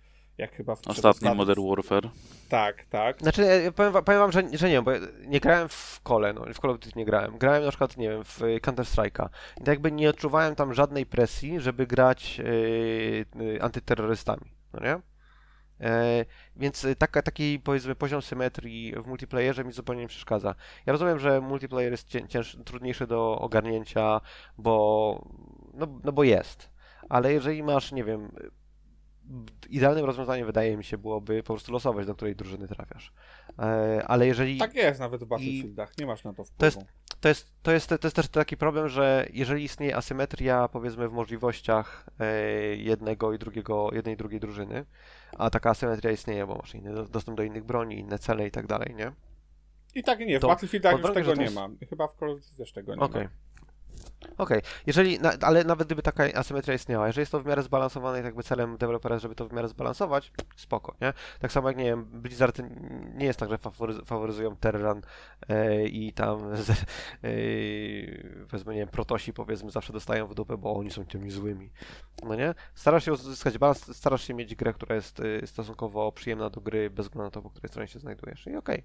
Ja rozumiem, że to jest często no, trudne, no nie? Bo to, to, to game design, czy nawet level design na poziomie takim tam obiektywów w grze e, jest cholernie złożony i nie, nie, nie da się stworzyć idealnie symetrycznej e, w znaczeniu gameplayowym, a nie tam wyglądu e, gry. Ale jeżeli to jest powiedzmy twój cel, no to, to jakby nie mam żadnego problemu z tym, że multiplayer jest taki czy owaki. No. Bo, bo nie, nie grasz tak jakby, nie grasz w multiplayer po to, żeby się nakarmić wizją tego, że zajebiście jest być tam, nie wiem, amerykańskim żołnierzem i strzelać do muzułmanów. To, to, to nie jest cel multiplayera. W singlu z kolei uważam, że to jest spory problem wielu gier. No okej. Na pewno masz dużo racji, czyli nie, nie całą nawet. Znaczy ja nie wiem, tak jakby to jest, to jest opinia, nie? Pytanie, Są wiesz, pytanie- mogą uważać, że zupełnie inaczej i tyle. Pytanie, kiedy zacząć wymagać, nie? Tak, czy, czy to faktycznie e, cały, powiedzmy... No, nie, nie, jest, jest wiele sposobów. czy no, nie branż, możesz, branża growa dorosła do tego i powinniśmy od niej już wymagać e, tutaj lepszego. Ja myślę, że branża do, do tego dorosła. Pytanie, czy wydawcy do tego dorośli, no nie? Bo jeżeli starasz się zrobić gry, które są... e, I tak no, ciężko jest mi, jest mi winić wydaw, wydawców, czy tam producentów wyższego szczebla. E, starasz się zrobić grę, która na siebie zarobi. I idziesz w kierunku rzeczy, które są znane, rozpoznane i e, gwarantują ci relatywnie, powiedzmy, e, sukces w porównaniu z innymi rzeczami, które mógłbyś spróbować. Ale tak jakby, no, masz taki przykład, ga- gadaliśmy dzisiaj o, o grach Arkane, no nie? To nie są gry sztampowe, to nie są gry, które już ktoś kiedyś wcześniej zrobił. A mimo wszystko to są gry, które na siebie zarabiają, nie? Mm, No widocznie Chyba- niewystarczająco, bo Bethesda się No. sprzedała. mm, Prey chyba tam nie za bardzo się też sprzedał. Ale Prey to tam był stro, srogo torturowany, więc ciężko jest stwierdzić, jak, co, co było z Preyem. No, Ja mam nadzieję, że kiedyś powstanie jakaś książka. Nie grałem, ale konceptualnie, ko- na poziomie koncepcji mi się wydaje, że gra jest spoko. Polecam, polecam bardzo, bardzo.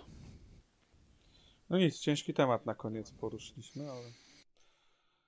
Myślę, że spoko, to są takie tematy, które ja, ja osobiście chętnie rozmawiam, bo e, nawet jeżeli się nie zgadzam z różnymi opiniami, to zawsze chętnie kogoś wysłucham i Ja, ja No. rozumiem, że ludzie mogą mieć inne, inne, inne e, opinie na ten temat, ale to jakby ciężko jest mi ciężko jest mi zaakceptować e, świat, w którym ludzie uważają, że najważniejsze jest, żeby umierać. To jest taki, to jest troszkę mroczna wersja rzeczywistości. Jeżeli ludzie, którzy uważają, że o, zajebiście zumrzeć za ojczyznę jednocześnie mówią, o, ty to masz mroczną wizję że przyszłości, bo uważasz, że będziemy walczyć o jedzenie i wodę. No kurwa. No ale to uważasz, że w ogóle gatunek postapokalipsy powinien wyglądać inaczej? Nie, ale y, tak by nie ma... Ja nie lubię postapo, nigdy nie lubiłem Fallouta i nie rozumiem, dlaczego wszyscy moi znajomi kochali Fallouta. ale, Może ale, dlatego, no, że jest gatunek jak- lżejszy też, że, że to trochę z przymrużonym okiem na to traktuje? Może, może, może, nie wiem. Yy, ale tak ni- nigdy nie, nie, nie, nie, jarał, nie jarało mnie postawa, ale rozumiem, że ludziom, ludzi to jara. Ludziom się podoba Stalker, ludziom się podoba jakieś tam, nie wiem, tego typu gierki, no spoko. Są gusta i guściki, ja nie, nie, muszę, nie muszę chcieć grać to samo, co A czy, grać czy ludzie. cyberpunk czy post-cyberpunk nie, nie jest trochę nie, nie są tożsame, nie mają dużo cech wspólnych z post-apo? Em, cyberpunk tak jakby... Bo ty lubisz, ma bo jakby bo mówię, że, bo, że ta, ten gatunek Mhm, akurat mhm. chyba lubisz osobiście z tego co... Tak, nie. Cyberpunk, dla mnie cyberpunk, y, kwintesencją cyberpunka jest y, walka korporacji, czy walka z korporacjami, czy walka, jakby nowy porządek, no nie New World Order, gdzie y, tak naprawdę rządy są wydmuszkami, a o wszystkim decydują megakorporacje. I to jest, to brzmi jakoś tam, nie wiem, bombastycznie, no nie? ale to jest powiedzmy świat, pirat drzwi, świat, w którym obecnie żyjemy. No ale to czy To to nie nie jest tak, że- się właśnie też na powiedzmy jakichś negatywnych aspektach, że, że e, znowu z, To znaczy, to znaczy ciężko, ciężko jest mi porównać post-apo z cyberpunkiem ze względu na to, że post-apo dla mnie jest takim, takim opowiadać o świecie, który się wydarzył w związku z tym, że społeczeństwo się załamało, no nie? A cyberpunk z kolei jest o społeczeństwie, które jest na kraju załamania, powiedzmy. Jest kompletnie wypaczone i priorytety są w złym miejscu i być może ten świat cyberpunka za lat 10, 15, 40 stanie się, e, stanie się takim post-apo. Ale to te, te dwa światy nie są dla mnie, nie są dla mnie tożsame. Szczególnie, że y, w większości mediów y, cyberpunkowych, które konsumowałem czy konsumuję, y, cyberpunk jest o postaciach i o grupach ludzi, którzy starają się, nawet jeżeli nie naprawić to za, y, ten porządek, to starają się go za- zatrzymać postęp w złym kierunku, no nie? A w postapu ten, ten tak jakby nie masz czego zatrzymywać, już wszystko jebło. Mhm. No, no tak. W cyberpunku jeszcze jest nadzieja. No, minimalna, ale jest. Jest sam na przykład, jest, jest bardzo fajny film postapo, swoją drogą polecam. Znaczy on jest, to jest taki tam film B, powiedzmy. Nazywa się Doomsday. Gra w nim Rona Mitra, która była drugim Tomb Raiderem, pierwszym, Tomb, pierwszym Lara Croft, czy drugą Lara Croft. Mm, A nie była Nie, kandydatką? A, Nie, nie, nie, Rona Mitra była, była Larą Croft. A, w chyba, sensie, ale to w marketingowo, okej, chyba. Tak. Tak, tak, bo, bo to były czasy, jeżeli ktoś nie pamięta takich czasów, bo to tam, nie wiem, 20 czy 25 lat temu, ale e, był taki motyw, że z ka każda gra Tomb, Ra- Tomb Raider jak wychodziła, to była jakaś modelka, slash aktorka, slash whatever, celebrytka, która y, na czas kampanii promocyjnej tej gry stawała się Larą Croft, nie? I był taki okres, że każda gra miała nową Larę, e, a później było tak, że przez dwie czy, dwa, czy, czy, dwie czy trzy części była ta sama. Jakieś takie były rzeczy. W każdym razie tam drugą czy trzecią była Rona Mitra. Nie? I ona tak, żadnej kariery nie zrobiła, ale gra w y, filmie, który nazywa się Doomsday i który jest bardzo ciekawą wersją postapo. Ta wersja postapo jest o tyle ciekawa, spoiler alert, sorry, ale jest o tyle ciekawa, że y, masz y, tak jakby fragment świata wycięty od reszty. Tak re- większość świata jest ok, ale jest fragment świata, który został otoczony murem, bo tam była jakaś plaga, y, pandemia i tak dalej. E, I ludzie przeżyli tą pandemię tam wewnątrz tych murów i podzielili się na dwa oddziały. Takie post-apo, jakie znamy z powiedzmy Fallouta i coś, co znamy z Władcy Pierścieni. Czyli są ludzie, którzy tam napierdalają na motocyklach i ubierają się w skórę i są ludzie, którzy zakładają kolczugi i machają mieczami. I to jest zajebisty kontrast, uważam. E, I, bardzo fajny, fajny taki element w post-apo, który można by wykorzystać, a którego przynajmniej w grach do tej pory nie widziałem.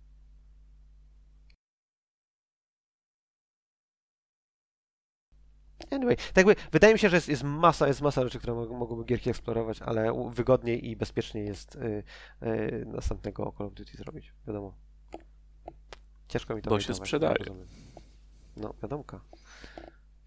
Z drugiej strony masz jakieś tam Valheim to się nazywało, tak? Valheim, 5 milionów. No ale tam gdzieś tam przynajmniej gloryfikowanie zbudowania co najwyżej domków Klaryfikowanie budowania. To, to kiedyś była taka gra City.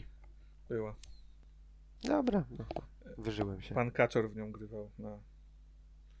I to nie, nie były prezydent, premier, cokolwiek, ale był taki aktor. Hmm, Nie pamiętasz? Nie, ko- nie kojarzysz? się nazwisko Kaczor? Nie pamiętasz e, czasów, kiedy to tam, wiesz, jeszcze chyba przed Escape'em, e, programem, jak w mainstreamie się pokazywały jakieś gry, Właśnie Kaczor był. A było coś takiego. O, on ja miał ci, taki że czasami je- swój kącik gdzieś tam na TVP i, i e, mówił o grach.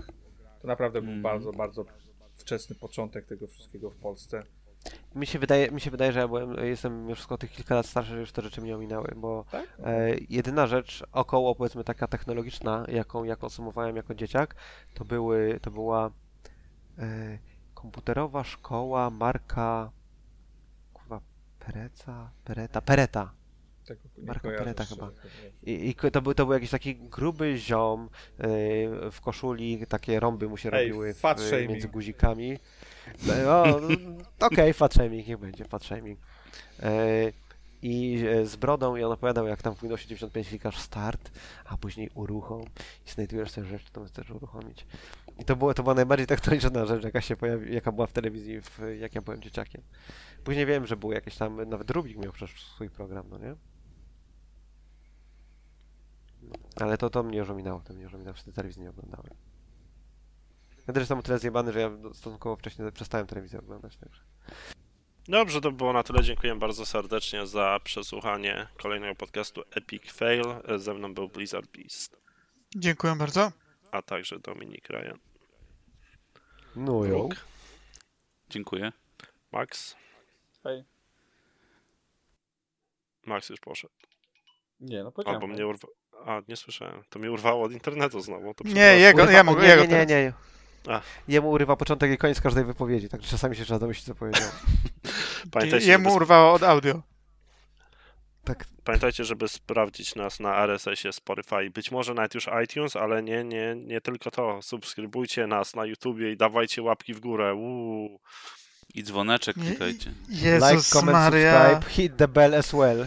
Boże jedyny. Albo też pamiętajcie, jesteśmy na Facebooku i Twitterze EF Podcast. I nie, nie zapomnijcie o tym Prze- koncie na Patronite, które nie istnieje. Y, Podcast przez C, dodam, żeby nie było.